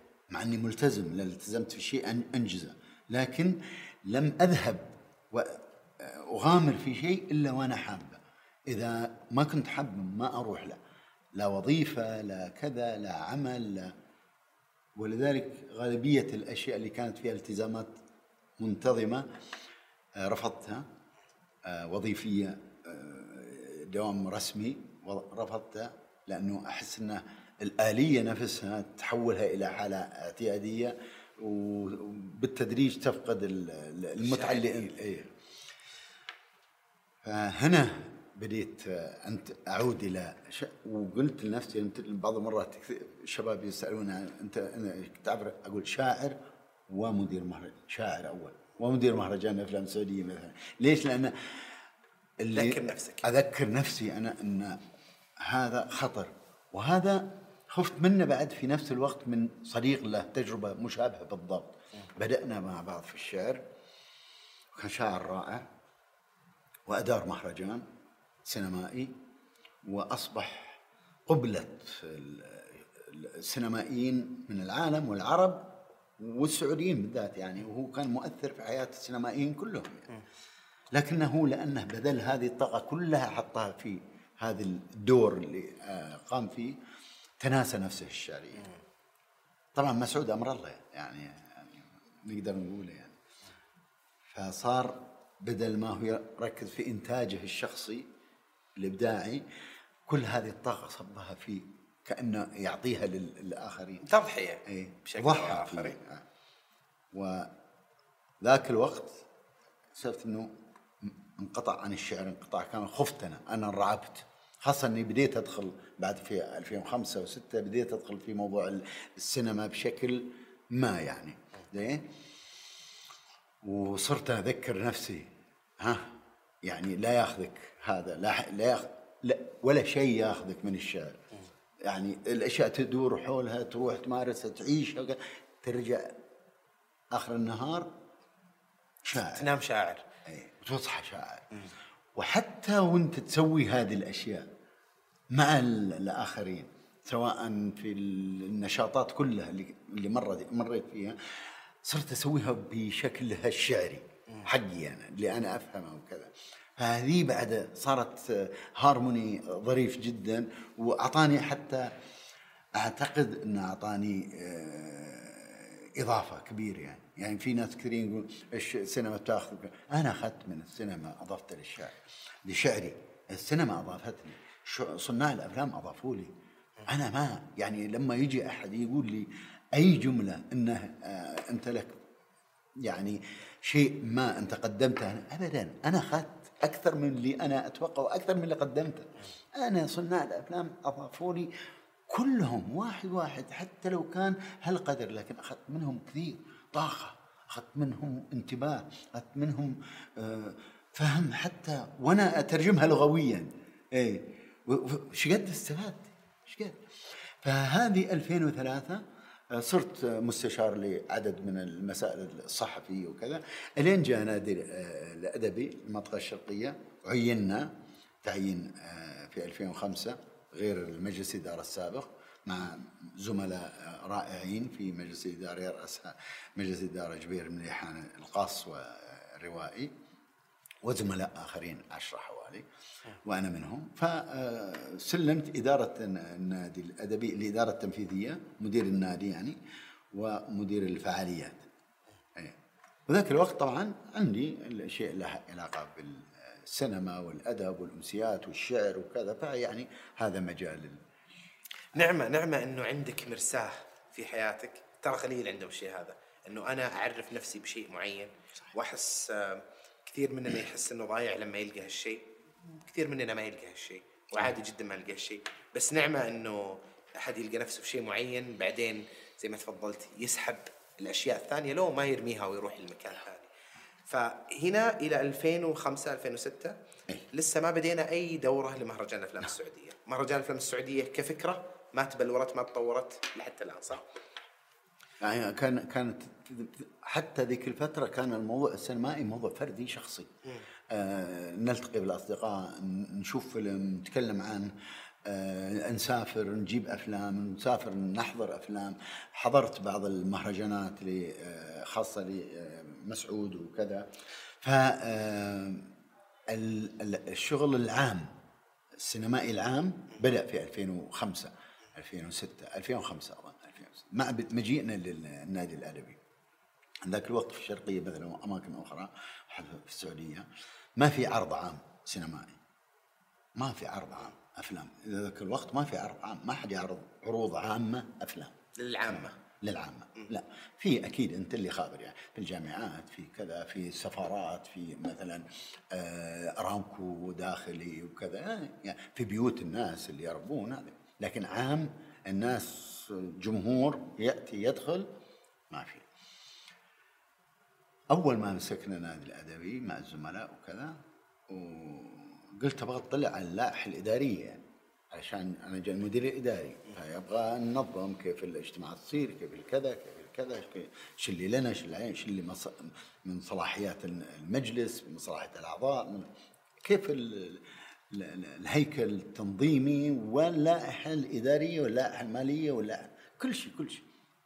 شفت ثلاث صفحات لها علاقة باللائحه انها مجهزة لما كانت الأندية الأدبية بدأت في تحت الرئاسة العامة لرعاية الشباب. طبعا لما إحنا وإحنا جايين الحين آه، النادي الأدبي يتبع وزارة الإعلام ذاك الوقت. حتى ما كان فيها وزارة الثقافة والإعلام وزارة الإعلام. بعدين صارت وزارة الثقافة والاعلام وشفت هذه الورقتين أو الثلاث في سطر واحد مكتوب يحق للنادي الأدبي أن يعرض فيلما آه، وثائقيا آه، ثقافيا. بس. حطيت النقطة ودخلت عليهم مجلس الإدارة آه، أحبابي لا ما هم أصدقاء رائعين يعني كلهم مثقفين كبار يعني. دكتور مبارك الخالدي آه، كان جاسم الصحيح ويعني كان أحمد بوقري كان حسن السبع الله يرحمه أبو نزار آه، طبعا جبير المليحان القائد النادي وكان قائد بطريقة يعني روحانية يعني رائع يعني ما في مثله يعني ديمقراطية وفي فقلت لهم كذا قالوا إيه طيب إيش تبي؟ علمنا وش تبي؟ إيش تبي؟ قلت لهم خلاص نسوي عروض أفلام قالوا ها؟ إيه. بدأوا يتداولون الفكرة. بعدين طرحت. بعدين قالوا إنزين إنزين المحتوى إنزين منين نجيب الافلام؟ قلت ما عليكم عندي أنا. بعدين كذا خلاص خلاص okay يلا خلونا نجرب لازم فيلم وثائقي لازم فيلم. وج... ورحت البيت. بعدين اكتشفت إن كل الأفلام اللي عندي ما فيها آه، عربي. subtitles ما في ترجمة. لا subtitle واللغة ما بلغاتها أو subtitle إنجليزي لما يكون الفيلم إيطالي ولا فيلم فرنسي ولا فيلم ياباني ولا فيلم زين توهقت.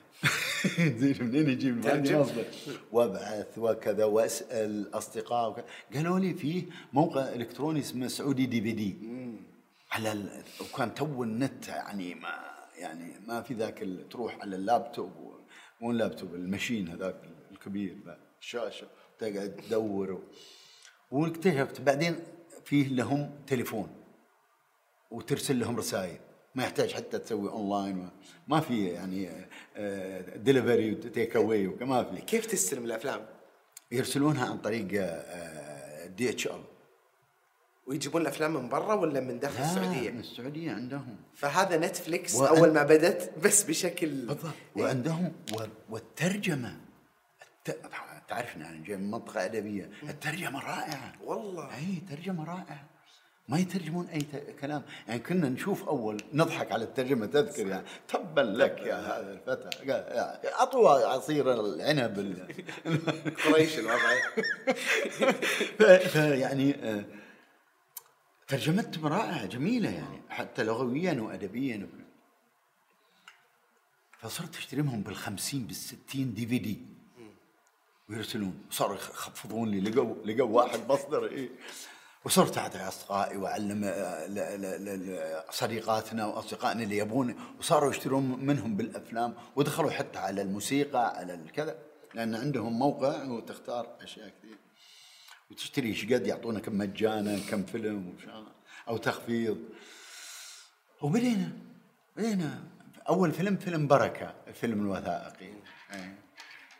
وبدينا نحطه وطبعا دخلنا في مواجهات كيف إنه يوم أحد كذا بس ال ال ال ال المشهد اللي ما أنساه في حياتي إنه لأن النادي الادبي كان يسوي قبل هذا لأن اخذنا وقت حتى إن إحنا بدأنا أول فيلم بدانا أطلقنا كنا نبغى نسوي بحذر وب يعني بطريقه شلون نتعامل مع ردود الأفعال وكذا. فأخذنا زمن يعني. لكنها في 2005 نهايتها أظن. قبل كان رواد النادي الأدبي معروفين. هم المهتمين بالأدب واللي في المنطقة. وهم اللي يجون إلى درجة نحفظ اسمائهم نعرفهم كلهم. عدد قليل. جمهور عدد قليل. ونعرف وين يقعدون في كل في أي كرسي في الجمهور يعني لما أسوي ندوة ولا تسوي إقراء أو كذا. نعرف إن الشاعر الفلاني بيقعد في هذا مكانه المفضل وهذا هذا المكان. ونطلع وندخن برا وناخذ لنا شاي وكذا وبعدين ننتهي. لما أعلنا عن أول فيلم اللي هو بركة طبعا في ناس روجوا للفيلم بطريقة عكسية. أنت عارف اللي هاجمونا على شان الفيلم هم كانوا يعني آه، آه، أقوى آه، أداة تسويق. أداة تسويق يعني لو دفعنا ما وهذه الهاشتاجات الحين ترى. لسه الحركة يعني تصير بس بشكل تقني أكبر فقط. فبدأ جيل جديد يدخل النادي لأول مرة وأول مرة يعرف إن في نادي أدبي أصلا. جيل من طلاب الجامعة جيل لابسين جينزات و... وشباب تحت العشرين آه... ستايلهم مختلف آه... طريقتهم مختلفة جايين بحذر وكذا. فبدينا آه... صراحة كل مجلس الإدارة شعر بامتنان وفرح بشكل كبير جدا. وبدينا نعرض بدينا نروح بدينا آه، نكتشف أسماء من هذا وهم يكتشفون وصارت علاقات بيننا.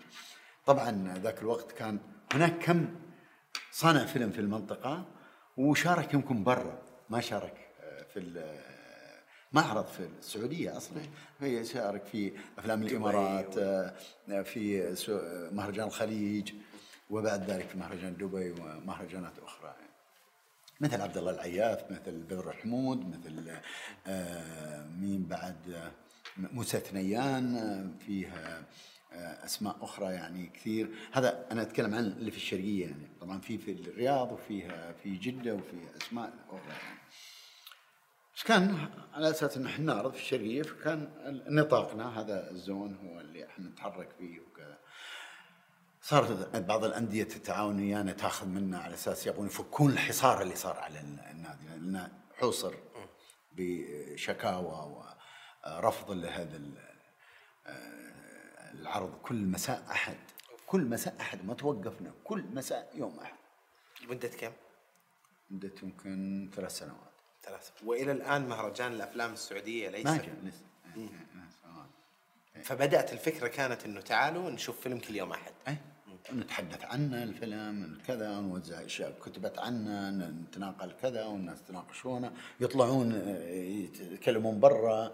آه، فبديت تكتشف من هو المهتم من هو اللي لا له علاقة من هو؟ لا هذا صانع فيلم ترى. ويجيني واحد يعرفني هذا فلان فلاني هذا فلان فلاني تعرفنا عليه آه، صناع الافلام منهم اللي قلنا أسمائهم من شوي وآخرين يعني. إيه؟ طارق خواجي مهتم وكذا ومثل ترى طارق في هذه الأفلام من الآن ما يذكر هذا في سيرته الذاتية بس لازم. ف اللي صار إنه مع الوقت صرنا نسوي أسبوع الفيلم الياباني، أسبوع الأفلام فليني، أسبوع لأفلام ما أدري إيش، أسبوع الموجة الجديدة في كذا والشباب صرنا نشكل مجموعة منهم على أساس هم يقودون وش وين نروح ونتناقش ونتكلم وياهم. صار أشبه ما يكون جماعة. يعني أقول لك صار جماعة منها عبد الله ومنها بدر ومنها آه طارق ومنها آه مجموعة آه موسى ومنها المحيشي ومجموعة محمد سلمان مين بعد في ناس في الحسا يجون يحضرون لأنه ما كان في نادي في الحسا ذاك الوقت. بعدين سووا نادي الأحساء بدينا نفكر طيب هذول صناع الأفلام عندهم أفلام ليه ما نسوي لهم هم ليلة ونقدمهم ونتناقش حول الافلام بدل كل مرة آه، أفلام عالمية وافلام ودعم آه، لينين عرضنا في النادي في ذيك الوقت مع آه، معرض كامل عن سقوط الجدار برلين وكذا. فكان يعني مناسبة كاملة. المهم بدأنا ندخل برنامج عروض أفلام سعودية قصيرة طبعا آه، مع نقاش مع صانع الفيلم. وكان لأول مرة آه، يحدث لصانع الفيلم أنه يعرض في السعودية. فصار حتى يجونا من الرياض أفلامهم حتى ندعو من أكثر من مكان مو لازم يكون من الشرقية. فبدأ حتى ال- العلاقة تصير بين صناع الأفلام الآخرين. من هذه والصعوبات الأخرى اللي صارت علينا جاتنا فكرة إن إحنا نسوي مهرجان أفلام السعودية. طبعا كلمة مهرجان ما تقال ذاك الوقت. إيه أشبه أنا كنت بي- بقول لك الفكرة فكرة المهرجانات ما كانت مو... في وعينا. ما ما كان ما كان تقدر تقول مهرجان. آه. آه. مثل كلمة سينما. ما تقدر ذاك في ذيك اللحظة الزمنية شغلتين في الثقافة. ما تقدر تقول كلمة مهرجان ولا تقول كلمة سينما. إيش سميتوه؟ مسابقة أفلام السعودية. الدورة الأولى اللي اشتغلنا عليها مع آه الوزارة. طبعا دكتور علي السبيل كان يعني طبعا رحنا له أنا رحت له يعني. أنا كنت في النادي الأدبي طبعا. إحنا ناخذها بالتدريج يعني مجلس الاداره وافق وكذا. زين عندنا مكان لمهرجان. وين المهرجان؟ آه، جمعية الثقافة والفنون بالدمام يرأسها عبد العزيز إسماعيل صديقنا. اللي الآن رئيس مجلس الإدارة وعندهم مكان لائق كمسرح. معقول يعني جدا يعني. بس يبي له تعديلات بروجيكتور وشغلات كذا يعني. ورحت له وتفهمنا وهم بعد بدأت في ذهنهم شغلات الأفلام. لأن إحنا بدينا نعرض بدينا كذا وبداوا هم يسوون أشياء من طرفهم. قلت خلينا نسويها ونسوي المسابقة. وعندكم. قالوا أوكي. أنتم عليكم التنظيم عليكم الفلوس وإحنا علينا ال- المكان. ال- المكان وبنساعد لوجستيا يعني وإدارة ال- ال- هذا. وكان معنا حتى في إدارة من خارج النادي اللي هو عبد الله والعياف وبدر ومجموعة كانوا آه، معانا في في في الأفكار. حتى أذكر واحد من اجتماعاتنا للمهرجان وكذا. اللي صار إنه كان قرار لابد يكون مدروس بشكل ملعوب. شفت مساء اللعب ال- الشعري؟ ملعوب. ولازم يكون ملعوب ملعوب شعريا. يعني. اخترت يوم علشان أمرر ما حد يقدر إنه يقول لا ولا ليش؟ وش اليوم؟ الله يرحم الملك عبد الله الله يرحمه. كان جاي الشرقية. في احتفالية أرامكو 75 عام. ومدعوه جميع ميديا العالم كلها من RT الروسيه إلى CNN إلى العربية طبعا إلى البي بي سي كل القنوات مو بس مراسلين لا القنوات وسيارات ال- ال- النقل ذاك الوقت سيارة النقل مو ذا الحين يعني سيارات النقل مو- مو- موجود. وعملت آه، يعني آه، بحثي عرفت إنهم مسكنين الإعلاميين كلهم في الشيراتون. الدمام. فقلت رحت لل واخترت هذا اليوم يوم الافتتاح يوم وضع حجر أساس اثرى وضعوه هذا واحتفلوا بمرور 75 عام آه، في 2008 في ماي أظن 27 ماي آه، في آه، هم العصر وإحنا نفتتح بالليل. أيوه. ما حد متكلم عنكم أصلا. لا أنا أرسلت بريس ريليس لا بس أقصد الناس ما راح يهمها الموضوع في شيء أكبر قاعد يصير. بس لا مو بس هذا انه القنوات أنا هر- هربت لهم ال- ال- الخبر. من قبل. أنا عندي أصدقاء رئيس آه، الناس في أنا اشتغلت صحافة فأعرف المراكز رويتر ال Associated Press ال AFP اعرف ان هذولي؟ مثل واس. هم يبثون على كل ال- فما يحتاج تروح لل- لأحد بس. للأشخاص بس معهم. وي target شيء محدد العربية CNN okay وال RT. اعرف فيهم أحد؟ كلمته بنفسه. حتى يعني ال RT كان في آه، عماني. ابن عم صديقي سيف الرحبي اسمه أحمد الرحبي. وقلت له قال أنا جاي مع آه، شو اسمها؟ واحدة اسمها آه، روسية يعني آه، اللي هي مصورة ال producer. خلاص قال قلت له كذا كذا. وحطيت آه، عنوان يعني حليو يعني آه، بلا سينما آه، يكون مهرجان سينمائي. مم. راحت. ونشروا. قبل الافتتاح طبعا صار فيه رأيين. رأي يبي يقفل يلغي المهرجان ورأي آه، آه، هذا جاي والإعلام نشره. خلاص. فيعني تغلب الرأي ال- هذا واستوى المهرجان. وجاء الوزير حتى ما كان الوزير بيجي طلع من الحفل بعد ما خلص الحفل في ارامكو اتصل علي الدكتور علي السبيل قال لي معالي الأستاذ إياد مدني يبغى يحضر ال- الافتتاح بيقول كلمة.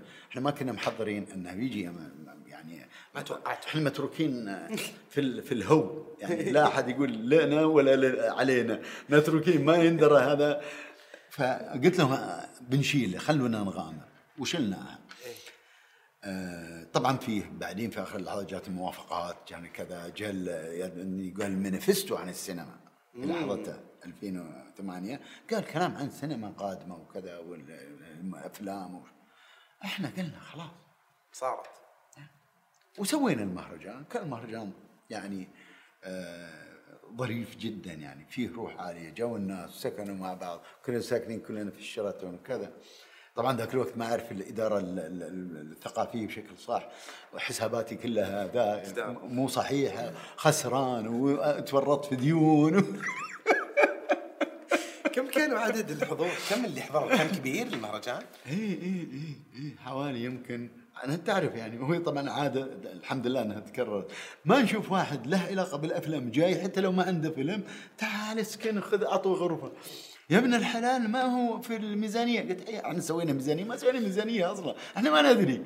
آه رحت الرياض آه، للوزارة وكابل الدكتور عبد العزيز بيين الدكتور الصبح هو حضر آه، دوام الصباح ودخلت عليه جاي بالطيارة من المطار إلى مكتبه دخلت عليه قال لي مدير مكتبة آه، عبد الرحمن اسمه قال لي آه، أبو مالك دقيقة بس ال- الدكتور ودخل قال إيه تعال الحين يلا. دخلت عنده. قعدنا ها؟ قال لي شو جايبك من الصبح؟ قلت له أنا جاي عشان مهرجان علشان مسابقة أفلام السعودية. قال أنتم أعلنتوا عنها جاي تستاذن؟ قلت له لا والله مو جاي استاذن جايبين فلوس. والله كذا أقسم بالله قلت له يا- هذه هذا شوف كيف قاعد يتكرر الزمن. هذا نفس الموقف حق اللي كان داخل بياخذ العيدية بعدين اختفى ست ساعات بعدين انجلد وانطق بعدين قال وين عيديتي؟ هذا نفس الشخص.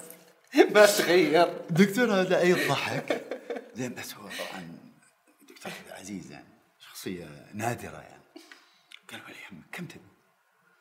طبعا تعرف شاعر وما يدري بالميزانيات ولا يعرف الإدارة الثقافيه لأن بس علمتني درس ما أنساه في حياتي وأبغى يعني دكتور عبد العزيز وقال لك كم؟ أطلب طلب مئة ألف ريال إيه أنت حطيت يدك كذا صح؟ قال لك شو مدخلك عندي؟ 100000 عند السكرتير ترى. قال لي قال لي أبشر. قلت أفا. 200. يا ليت- اني رافع لا ما غير كلمتي. لا محاولة أخيرة لأن جت على طول. أنا بس آه، أبو مالك لا تعلنون عنها لأنه آه، معالي الوزير في آه، أفريقيا كان. إياد مدني الاستاذ إياد مدني. وأحسن لما يجي ويشوف الورق وكذا يعني آه، ذاك الوقت أعلنوا عن ال عن ال- ال- الدعم يعني ولا أنتم إحنا أعلنا والله عن المهرجان ما دريتوا عن أحد. اي عن المسابقة سويناها لا بهذا اتفاقنا معاه هو نفسه. ان إحنا كنا في بداية النادي اتفقنا وياه ان إحنا ما نستأذن من أي جهة أخرى. حتى وزارة الاعلام أنتم الحين أنتم اللي مختاريننا صح ولا لا؟ تثقون في آرائنا اللي بنسويها. تعرفين آه، البلد بلدنا وإحنا نخاف عليها مثل ما يخاف عليها الموظف يعني. وإحنا أكثر من موظف معرفة. بالشأن الأدبي صح. بالتالي بنهتم فيه قد يصير أخطاء في العمل قد يص- يصير أخطاء خاصة لما يصير شيء جديد. لكن لا صار الشيء ارسلونا ارسلوا لنا عاتبونا قولوا لنا بنرد عليكم ونكون لكن مو قبل. ما بنستأذن. تبغى نستأذن؟ جيبوا لكم مجلس إدارة ثاني. كذا اللي قلنا. قال خلاص. دكتور علي السبيه قال ابدا سووا لي اللي قبلنا كانوا يستأذنون من ثلاث جهات. كانوا يستأذنون من ثلاث جهات. إيش العبارة؟ أسهل إنك تطلب الصفح من إنك تطلب الإذن. أو شيء القبيل لكن سوينا هذه. أخذت المئة ألف. لا ما أخذتها يعني بيحولونها على النادي. ورحت ضامن المئة ألف. طبعا يعني مديونيتنا كانت 500 ألف. هذا غير اللي صرفنا يمكن 200 النادي صرف 100 آه، آه، جمعية ثقافة الفنون ما عندهم فلوس الجمعيات طبعا تعرف؟ الأندية عندها أكثر شوي زين؟ فصرفنا منها وصار إن ال- ج- جمعية الثقافة والفنون بالدمام طبعا هي لأنها أنا آه، درتها فبالتالي أقدر أمون على نفسي ذاك؟ لكن قبل ما استلم قلت له كم عندك يا أبو مازن؟ قال لي عندي 17000 17 أقول لك أسهم الشرطة ارتفعت من اللي سكناهم. وانت تقول لي 17 بعدين قبل ثلاثة أيام أكتشف أن البروجيكتر حق سلايدات مو حق أفلام. قبل كم يوم؟ ها؟ قبل كم يوم من ثلاث أيام. قبل ثلاث أيام من المهرجان. جتني كتمة أنا أيوه. ولا فيه شاشة على الجدار. زين شلون بتسوي الحين مه- مهرجان هذا؟ يعني مسابقة ومهرجان وحضور وناس ناس من الخليج وناس من جايين و... وأكلم وأكلم واكتشف لي صديق في الرياض وكلمته وقال لي إيه في هذه الشركة وممكن نجيب لك إياها. بس ال- البروجيكتر مع الاتش دي كان وهذا أفضل شيء الآن. بس 37000 في 20 لازم ندبرها الحين. و... وأشتري. وأركب هذا. بعدين صار من حق ال- ال- الجمعية. يعني الجمعية المفروض الحين من زمان يعطونا 20 ودفعوا 17 وخذوا 37 بس جيت أنا بعدين بعد سنوات واستفدت من ال- ال- هذا. البروجيكتور؟ اي من البروجيكتور إيه بس هي ال 20000 بعد اللي لك أخصم منها حق الكتاب اللي أخذته من المكتبة يعني في في عليك لا لا في قبل. لا لا لا, لا علي أنا مديون ل- ل- لأشياء كثيرة لبلدي يعني كلها مديون لها لا كلها. لا, لا كلها لأنه فعلا يعني لولا في أشياء الواحد ينسى يعني مثلا وقفت مثلا أمير المنطقة في ذاك الوقت بطريقة يعني في سنة من السنوات مهرجان أفلام السعودية وزير عطل الورق عنده ولا أعطانا أي إجابة لا إي ولا لا. والمهرجان قاعد هذا في الدورة الثانية والثالثة والرابعة. وما إحنا عارفين وأنا رايح والإدارة اللي فوقي تقول إذا ما جاتنا موافقة ما نقدر نسوي قلت بنسوي. إذا منعنا أنا بستقيل. إذا جاكم لوم قولوا هذا احمد ملا آه، مهبول وجن وسوى هذا من راسه وطردناه. قلت لكنه بنشتغل بنشتغل ورقتنا عند الوزير معطلة. وهم قايلين لنا إنه بيعطونا الموافقة. لكن ما جات الموافقة. آخر يمكن ثلاثة أيام قبل المهرجان. ثلاثة أيام.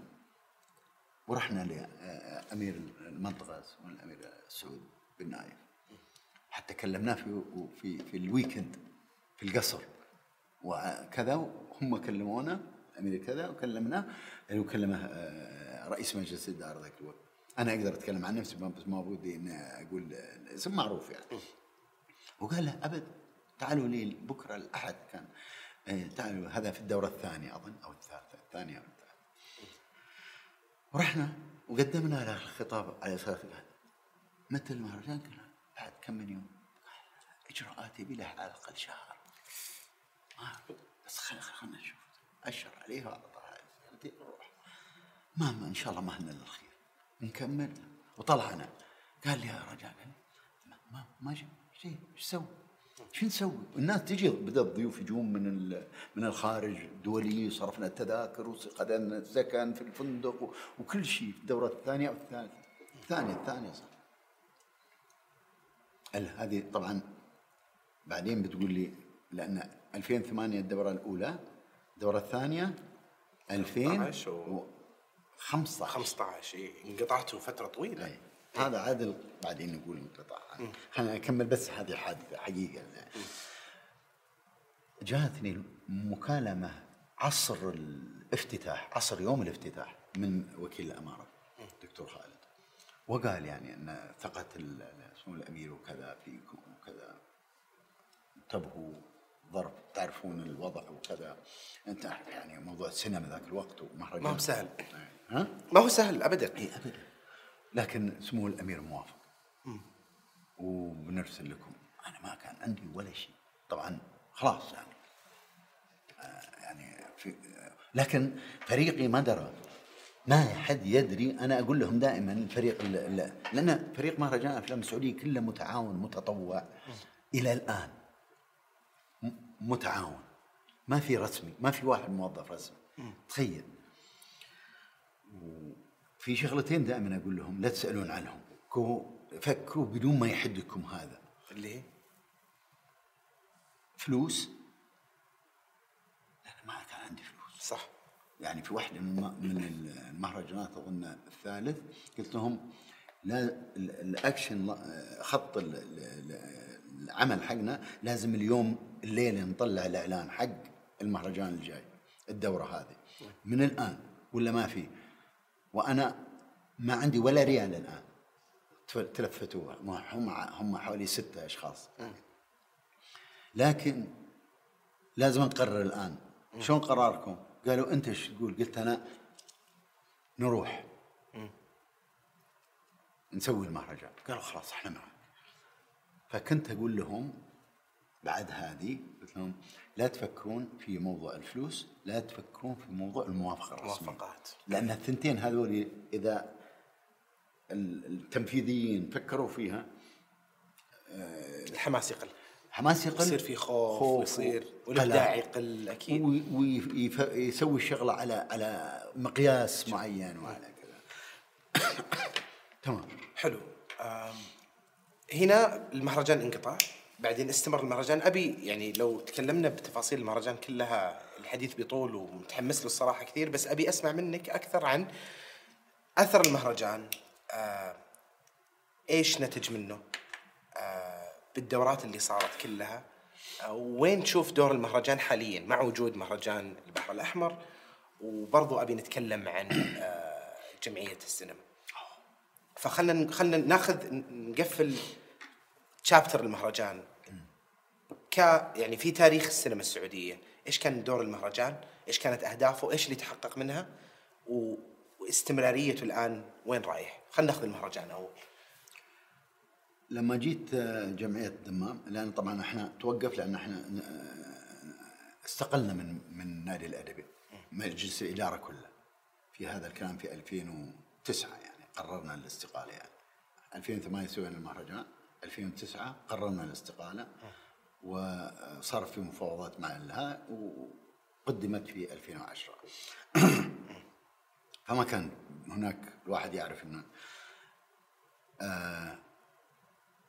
ر- رجعت جمعية الثقافة والفنون بالدمام في آه، يناير 2014 بعد اتفاق مع مجلس الإدارة آه، رئيس مجلس الإدارة والمدير العام أنه آه، استقال آه، مدير الجمعية الدمام ويبغوني أكون موجود. وقلت لهم أنا متطوع أربع سنوات فقط. أن كان عندي أعمال أخرى است- استشارية ثقافية يعني. وما أقدر أ- يعني أكثر من أربع سنوات. قالوا okay ماشي خلاص أربع سنوات. فعلا دخلت يناير 2014 وتركتها في ديسمبر 2017 سلمت ال- الجمعية. يعني حسب ال- الاتفاق هذا. عملت ثلاث آه، دورة آه، من طبعا مو 2014 ما قدرت أسوي لأن قاعدين نجيب موارد ونجهز وكذا. 15 16 17 ثلاث دورات ورا بعض انرو تمام؟ جميل. المهرجان آه، طبعا لما جيت جيت بطريقة مختلفة. أنا نميت جانب الإداري والدرس هذاك أبو مئة ألف يعني أعطاني تعلمت. أهلا منه كثير يعني. وبديت أخطط للمهرجان بشكل يعني آه، نسوي له مستندات يعني. يعني مستندات صار عمل مؤسسي أكثر. عمل أكثر. مع إنه كله مثل ما قلنا متطوعين ذاك الوقت. متطوعين حتى مو متعاونين. متطوعين آه، zero zero مكافأة. إي. آه، يمكن ما بديت أصرف مكافأة للعاملين إلا في الدورة آه، الثالثة أو الرابع آه. جميل. فايش كانت أهداف المهرجان؟ يعني أنا متأكد إن الأهداف تطورت بس من اهدافها كانت الأساس الأساس تجمع هذا ال ال ال ال cult هذا الجماعة اللي كانوا ما يشوفون بعض ولا يعرفون بعض. بعضهم ما يحطون اسمهم الصريح آه، عليه. بعضهم آه، ما يدري آه، ابن عمه وخاله وأخوه إنه إنه يسوي فيلم. وكان underground هذا كان الشغل اللي كان كله underground طلعناه فوق فوق الأرض. وخلينا يكون عندهم على الأقل كم يوم في السنة يشتغلون له لأنه أفلام قصيرة هذه مجالها المهرجانات. وفي نفس الوقت يلتقون. أنا طبعا بالنسبة لي المهرجان المهرجان ليس في البرامج. البرامج ممكن ترتفع البرامج تصير زاهية وتصير شيء ما ما صار ما حد سواه. لكن المهرجان هو في اللقاء. إنك إنك مهرجان أفلام السعودية يشتغل على شيء واحد ما حد يدري عنه. المعلن هو البرنامج حق المهرجان.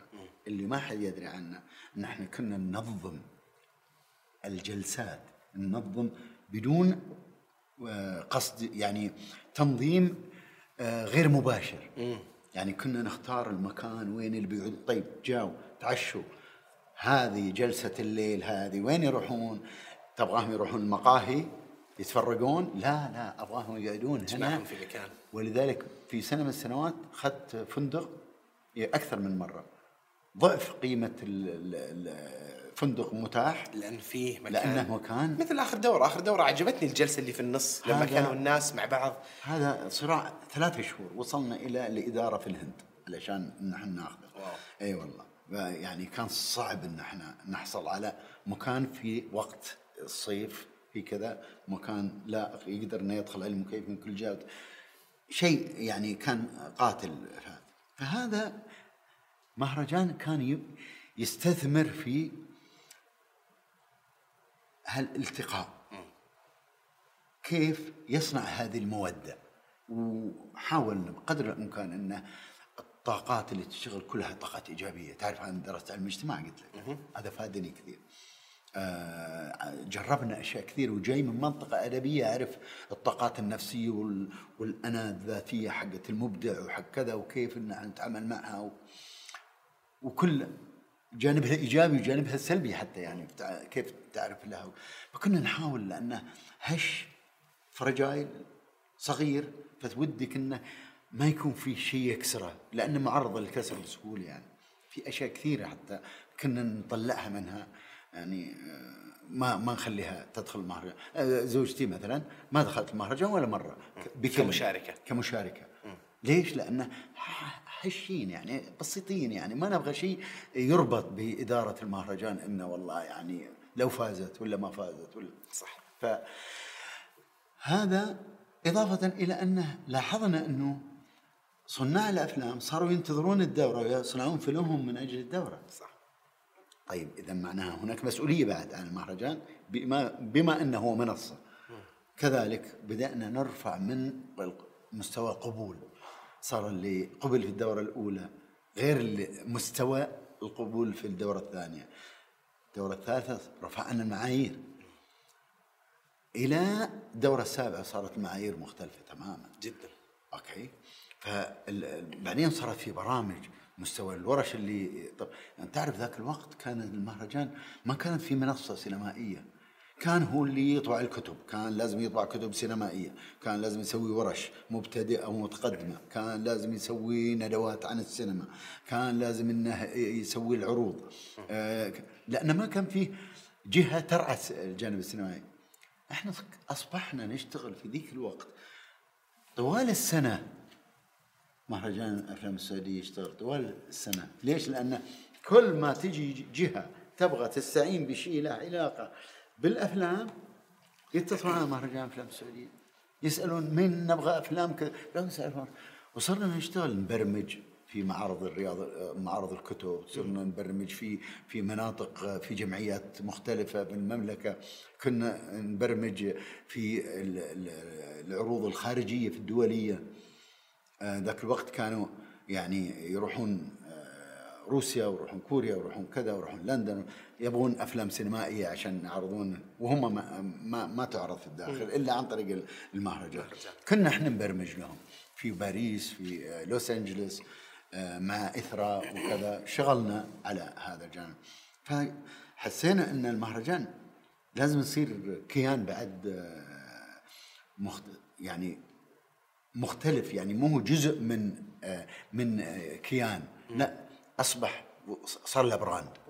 مهرجان افلام سعيد وإحنا كنا قاصدين إحنا ناخذه في الاتجاه لأنه كنا نقرأ يعني شيء نضع أحلام يعني. إحنا كنا نحط شعار. الدورات ال- ال- الثانية والثالثة والرابعة آه، شعارنا في لمح البصر. ليش؟ لأن كنا نخطفها خطف. نقول وهي لمح البصر والسينما واللي ما المجاز اللي ممكن مشترك وكذا. الف لما سوينا الدورة الخامسة اللي هي طبعا قطعت 2013 لأن تركت الجمعية ما حد سوى لا ورجعت 2019 سوينا 2019 الدورة الخامسة. سميناه شلنا في لمح البصر حطينا أحلام تتحقق أو أفلام تتحقق.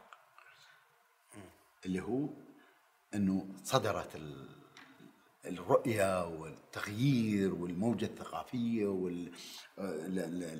وموضوع السينما وموضوع يعني بدأت الأشياء فذيك الفترة كان مهرجان كان يشيل أشياء كثيرة جدا على آه، جهدة داتا ومعلومات وبرمجة لآخرين غير المهرجان.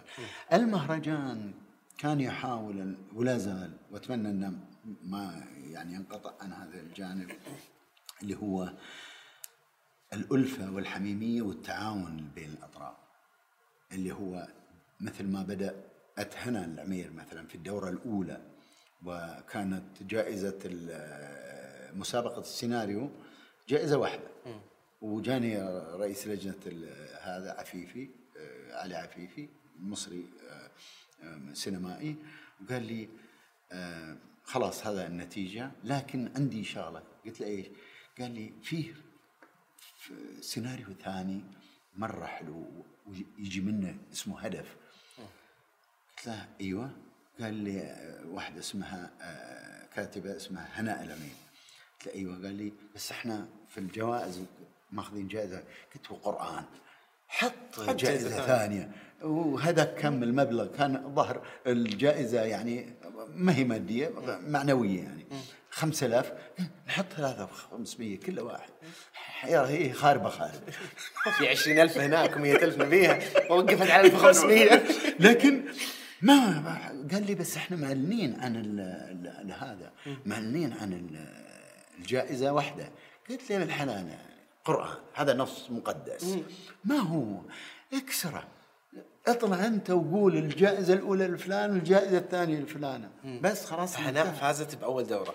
هناء- سيناريو. اي سيناريو. هدف اسمه. هدف. بنت تلعب كورة بنت تلعب كوره وهناء هناء الحين إيش قاعدة تسوي؟ آه رئيسة جمعية سينما. يعني خلال كم سنة؟ آه، لا، مخرجة و آه، آه، في دورتنا الماضية هناء أعطت آه، آه، يعني كانت المنتور في مختبر تطوير السيناريو الفيلم القصير. وكانت هي المر- مر- المرشدة والمدربة حقت آه، آه، كتاب السيناريو. ترى بس أنا بيك تتكلم عنها لأن جلسنا نفس الجلسة وقالت نفس الكلام هذا عنك صحيح. اي جلسنا وصورنا حلقة وكانت جدا جميله لا هو أقول لك محمد بعدين يعني كلهم محمد الهليل يبدأ وهو طالب بعدين آه وتعرف طموح الهليل ممكن هو ساكت لكن طموحه ممكن ياكل بلد يخوف. إيه. وطلع من المهرجان وهو عنده عرض فيلم أول ويعني اللي مسوينه الشلة حق حسويه ال- ال- الشباب. وطلع بعد وتعرف على بس تعرف على ال- الناس اللي في المهرجان. مشى ويكلم من؟ زارا بلوشي و آه، آه، خالد صقر. خالد آه، صقر. وخذهم وياه فيلم. إيه. وراحوا له الحسا طالب ما عنده حتى مكافأة في الجامعة. زين؟ وهم دعموه إلى كل الأشياء. وخلصوا الفيلم ورجعوا. وفيلمه بعدها بسنة يفوز في فاز في بيروت. المهرجان. فاز المهرجان. وفاز في مهرجان بيروت السينمائي الدولي مناصفة مع الفيلم الإيراني. طالب كان لسه في الجامعة يعني. في الدورة الثانية هو محمد الهليل هو اللي قال كلمة المخرجين. قال لي أنا ما أعرف أكتب يعني كذا إنت شاعر اكتب لي. قلت له راح بس أكتب لك. فاضي يعني. قال لي ذا قلت له في حل. وأنا بعدين أعيد صياغة. قال لي- قلت له خذ جملة من كل آه، مخرج. هو صنع فيلم يعني. قال لي okay. راح جمع. قال لي يلا الحين يصيرهم قلت له لا ما بيصير قل لهم كما هم. كما كما قالوها خلك لا تقول لي لغه عربيه وكذا خلك. زين؟ قولها بال وطلع. فمحمد هليل إنه بعد في هذه الدورة يفوز في 40 ليلة وليلة. بنعمل إيه إيه. لكن اللي اللي شفته وشو في الدورة هذه؟ أشوف شباب جدد يجون يتصلون عليه أشوفهم شوف العين في المهرجان في الليل يجونا يقعد وياهم. ويبذل لهم ويعطيهم ويقول لهم وممكن بيساعدهم بعد المهرجان أنا أعرف. زين؟ هذا في شيء قاعد قاعد آه، يعني يورث محبة تعاون. نقل خبرات. في الدورة الأخيرة هذه ما أنساها. هذه هذه صفة في هذا المناخ حق صناع الأفلام. فيهم. لأن أنا مريت بمناخات عدة الأدب والشعر والكذا وأعرف آه، والكورة. المناخات والكورة أهل المهنة الواحدة دائما عندهم إشكال التنافس اللي, بعض المرات يشطح يعني صح وهذا إنساني يعني في حفل الختام الدورة السابعة هذه اللي في جولاي فيصل الدوخي كان يقدم الحفل صح؟ صح. قدم الحفل الافتتاح وقدم حفل الختام مع آه، زميلته آه، خيرية. صديقتنا خيرية. فيصل عنده فيلم حد الطار. صح. ومو أي بس فيلم حد الطار يعني. تو جاي من مهرجان القاهرة السينمائي. هو فايز كأفضل ممثل آه، سينما سينمائي لأفضل ممثل صح؟ والفيلم فايز بجائزة آه، آه، لجنة التحكيم أظن ولا؟ إيه كانت آه، إيه لجنه تحكيم كانت بس إيه؟ فيعني جايب جائزتين واحد منهم أفضل. والآن فيصل على هذه المنصة في المهرجان بيعلن عن آه وبي يعني عن جائزة أفضل ممثل. عظيم. ما حد يدري طبعا. إحنا دائما نخلي الجمهور ال- ال- ال- لجنة التحكيم إحنا نتفاجئ وياهم. زين إيه. أنا أدري طبعا قبلها بساعات يعني. اللي صار يا محمد شيء مذهل. أنا والله جسمي كذا شعر جسمي يوقف من الفرح من الدهشة من ال... لحظة شعرية. كنت بالصف الأول وشفتك آه، أنت شعرية كلمتك لحظة شعرية. شع- لا لا لحظة شعرية. هذه ترك شنو هي شنو هي شنو اللقطة السينمائية. فيصل الدوخي اللي هو آه يعني ال- المتاح لهم أنه ياخذ جائزة آه أفضل ممثل. صح؟ ويقدم الحفل. أعلنها بطريقة من الفرح العارم. مشعل المطيري يفوز بجائزة أفضل ممثل وعيون. أنا طالع فيه عيونه ولغة جسده. تعرف واحد فرحان من قلب. صح ولا لا؟ صحيح. إنزين وش صار؟ من هذاك اللي قاعد يقفز من ال ال ال الم- آخر الستيج. إيه. من الدور اللي فوق. تعثر. شفته خفت عليه قلت كذا. طاح من يركض جاي يركض. كان با- باقي شوي يطير. خالد صقر. مو مشعل خالد صقر. اللي هو المفترض إنه ياخذ بعد جائزه أفضل ممثل هو. خالد كان لأنه- يستلمها عن جاي يستلمها عن مشعل. شوف ال... الروح هذه. ما هي موجودة في مكان آخر. صح. ما هي؟ هذه لحظة شعرية. هذا شعر. هذا ينكتب. هذا ينكتب. هذا يؤرخ. هذا ما يحدث. وهذه الروح إذا استمرت يعني بينضج هذا ال- ال- المجال وهذه الصناعة وهذا الجو بينضج بشكل مرة عميق. بيصير فيه الجانب اللي عادة تفتقده الصناعات اللي هو الروح الإنسانية اللي هو ال- ال- الجذوة هذه. ال- بعدين لأن في مجالات صاروا سيستماتيك جيدين في الأدوات في الكذا في الكذا بس اختفت منهم هذه هل تحس مهرجان افلام السعودية ومهرجان البحر الأحمر جالسين يكملون بعض بطريقة معينة؟ هل الحدود أو المساحات اللي كل واحد منهم فيها آم، يقدر يبدع فيها ويقدر ينتج فيها بشكل أكبر واضحة الخطوط هذه؟ آم، هل مستقبل مهرجان افلام السعودية واضح في وجود مهرجان البحر الأحمر؟ آه، يعني أقولها بشكل سريع مهرجان أفلام السعودية لما بدأ دورته الثانية كان عنده خطة حتى متفق فيها مع إثراء أنه لمدى طويل آه، 2020 وأنها أنه يكون هناك مهرجانات كبرنامج مختلف أن اثرا تقدر تعمل مهرجانات أخرى في مناطق ثانية. في في جدة وفي في جيزان وفي في آه، الرياض. و ب- مع بقاء مهرجان افلام السعودية في آه، الظهران في الشرقية. هذا كان واضح بالنسبة لنا. بلدنا فيها قدرة وفيها إمكانيات فيها ما هو يؤهل لأن يكون فيه أكثر من مهرجان. بس تفهم ال- ال- الكونسبت حق هذا وحق هذا وحق هذا. شيء ثاني أول ما أعلن عن مهرجان البحر الأحمر للأمانة كنت كا- كانت تصريحات تطلع تجيني لأني أنا كنت في عندي مهرجان لها. كنا سعيدين ووضحنا سعادتنا إيش قد يعني وكان هذا الصح اللي يصير يعني. وخفف عن كاهلنا شيء كبير جدا. صح. لأنه مثل ما قلنا كان كأنك تبغى في مهرجان واحد تسوي كل شيء. لا لا. قل تتوزع. يعني خلك م- مركز فوكس مركز. وأعطي هذا أفضل ما, ما لا تتشتت. فالآن طبعا في تعاون بيننا كبير جدا يعني. من طبعا شفت الدورة السابعة كان آه، إدوارد وجمانة ومين عدد كبير المفروض كان انطوان يجي بس الكوفيد 19 ما جاء. كل الفريق يعني المفروض كان موجود وجاوا قعدوا معنا ثلاث أيام بعدين راحوا على كان لأنهم كانوا يخططون حق كان. لكن جاوا هم قبل كان بعد بأيام معدودة يعني. حضروا. حضروا وشافوا الناس والتقوا بهم والتقينا فيهم عدة مرات. آه، إحنا أنا طبعا فرح بما يعلن عن مهرجان البحر الأحمر بشكل كبير جدا انه قاعد يغطي منطقة يعني فيها آه، آه، أثر ويكون لها أثر قادم بشكل كبير جدا ليس على المستوى المحلي فقط وهو على المستوى المحلي أكيد مهرجان البحر الأحمر دولي بعد؟ على مستوى العالم العربي وشمال أفريقيا والعالم يكون آه، حضوره جميل. وأنا أعتقد أن الدورة الأولى إن شاء الله ستترك علامه يعني. بإذن الله إن شاء الله. في ديسمبر يعني. ديسمبر. بين هذه كلها بين المهرجانين وين دور الجمعية؟ جمعية السينما ووين رايحة؟ يعني أنا أنا مستوعب إنه إلى الآن ال- ال- ال- الأشياء قاعدة تنطبخ وتقدر تشاركني تقدر تشاركني فيه بس يعني بس لا أنا بشكل عام. سؤال بعطيه الجواب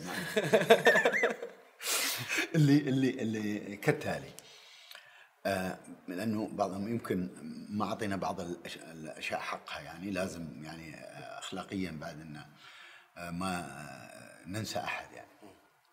من ال- آه، الدورة الأولى كان نادي ال- الأدبي المنطقة الشرقية وجمعية الثقافة والفنون بالدمام شراكة. بعدين توقف المهرجان. بدأ في جمعية الثقافة والفنون بالدمام من الدورة الثانية ال- 2015 واستمر. مع جمعية الثقافة والفنون بالدمام واستأذنت لأني كنت مدير الجمعية وقتها واستأذنت أرسلت خطاب رسمي للجهة الاعتبارية اللي هي النادي الأدبي اللي كنت أنا أول فيه. لكن أنا الحين مو فيه لكن من حق النادي إني أدعوه إنه يجي يشاركنا في هذا اللي ولد ولد بين هذه المؤسستين. هم اعتذروا نهائيا النادي إدارة النادي الأدبي وكتبت لهم يعني إذا هذا إحنا خلاص ننطلق في المهرجان باسم الجمعية. ويعني رفعنا هذا ال- ومن هناك صار هناك شراكة مع إثرا. أول شيء كان تمويل بعدين شراكة مستمرة من الدورة الثانية حتى الآن وإن شاء الله مستمرة. شراكة حقيقية وعميقة يعني بين اثراء وبين جمعية الثقافه والفنون بالدمام. مع مجيء هيئة الأفلام أصبحت هي الطرف ال ال ال الأساسي كذلك معنا مع الطرفين هذول وأصبح هو الداعم يدعم هذه الشراكة ويدعم ال- المهرجان. والان مستمرين بهذا الشكل إلى الدورة السابعة. آه طبعا آه إحنا نعرف إنه للتو جاءت جمعية السينما. جمعية أهلية مستقلة من القطاع الثالث آه، يعني تمويلها عليها تعمل على تمويلها بشكل خاص آه، عبر مشاريع وعبر كذا. تأسيس الجمعية إحنا كان لنا دور فيه إحنا مجموعة مؤسسين أنا جزء منهم آه، أو أحدهم يعني عفوا. وعملنا هذه الجمعية من أجل أنه يلجأ لها مهرجان افلام السعودية كذلك. ليه؟ لأنه المهرجان متفق مع جمعية الثقافة والفنون أنه المهرجان سيذهب إلى آه، تحت مظلة سينمائية أفضل. وهذا وارد. حتى يعني بيني وبينك موجود في جمعية الثقافة والفنون تمام؟ مبلغ لتأسيس جمعية السينما. من الدورة السابقة. هو مبدئيا مو بيني وبينك ترى الا لو بنسوي لك أنت يعني. لا لا ما قل قل ما شيل سوي كتل بيني وبينك. إيش بيني وبينك؟ والناس قاعدة تشوف. ضريب إي والله صدق نسيت. لا وهمست بيني وبينك. المايك قاعد. بس نسينا نفسنا شوي نصور حلو. بل فالان جمعية السينما أعتقد إنه جمعية السينما مع قليل من الوقت الآن تحضر لمؤتمرها الصحفي. هي فقط أعلنت عن وجودها الآن وشكرت المؤسسين وأعلنت أسماء المؤسسين وأسماء مجلس الإدارة. هذا اللي قامت به حتى الآن. الآن في إجراءات إدارية للتأسيس والمقر واللوائح التنظيمات الاستراتيجية اللي لها علاقة بال paperwork يعني يكون existed يعني في في المكان يعني. آه المهرجان مفترض أنه يكون جزء من الجمعية كواحد من مشاريع الجمعية وليس آه كلها طبعا يعني أحد مشاريع جمعية السينما. جمعية الثقافه والفنون بالدمام كانت هي الحاضنة للمهرجان وسيظل فضلها مستمر ما ما متى ما استمر هذا المهرجان إلى الأبد ولن ينسى هذا لن ينسى ذلك المكان المسرح الصغير اللي في الدورة الثانية اللي كان آه، كذلك المسرح الصغير اللي في الدورة الأولى اللي يعني واجه صعوبات و يعني صدامات كثيرة حول مسألة يعني حتى فرض وجوده. فجمعية الثقافة والفنون ستبقى في الذاكرة وفي القلب في تاريخ المهرجان يعني. آه وإن شاء الله يعني آه أتمنى يعني أن في هذا طلب شخصي أتمناه يعني أن يظل شعار جمعية الثقافة والفنون بالدمام باقي آه في المهرجان إلى الأبد. بإذن الله. فالآن عندك الجمعية. آه، هذه ماخذة من وقتك. المهرجان أيضا في الدورات القادمة. آه في أشياء ثانية ماخذة وقتك غير كونك شاعر؟ إيه أنا عندي مشاريع اللي أعيش منها مم. اللي هو أنا مستشار ثقافي. مم. أعيش من العمل الاستشارات الثقافية. جميل بس ما زال الشعر هو الأساس. آه ما زال هو المرساة اللي تسحبك كل مكان. لا لا تذكر لما قلت لك أنا آه، درس وواجهت نفسي بصرامة وقلت إذا أنت قاعد تتهرب وتقول أنا مو شاعر إذا معناها إنك أنت قاعد تريح آه، بالك يعني علشان ترتاح منها. لا لا. واجه نفسك أعرف أنت إيش اللي تبغى وأنا أعرف نفسي. أنا ممكن أتنازل عن أي شيء آخر سويته بحياتي. الآن أي شيء يقول لي. أي شيء أنا أقدر أتنازل عنه بسهولة الآن. ولا أتردد. إلا الشعر. إلا الشعر. إلا الشعر. آه إيش الدواوين اللي نزلت لك في معرض الكتاب الحين اللي موجوده الناس تقدر تروح تاخذها تقراها؟ في عندي آه كتابي الأخير اللي هو يوشك أن يحدث آه يليه مرآة النائم. كتاب آه الشعر ورسوم ريم البيات شعري ورسوم ريم البيات. آه كذلك آه في دار مسكلياني. وفيه كتاب طبعة ثانية اللي هو تمارين الوحش من دار خطوط وظلال في من عمان الاردن. آه، فيه كم كتاب موجودين. في إياك أن يموت قبلك في المتوسط. آه، فيها آه، دور أخرى ما أدري جابت لأن الكتب اللي مضى عليها أكثر من ثلاث سنوات أو أربع سنوات ما يجيبها الناشر. وأنا عندي عشرة كتب من 95 أول كتاب النشر. والآن والآن أشتغل على كتابي القادم.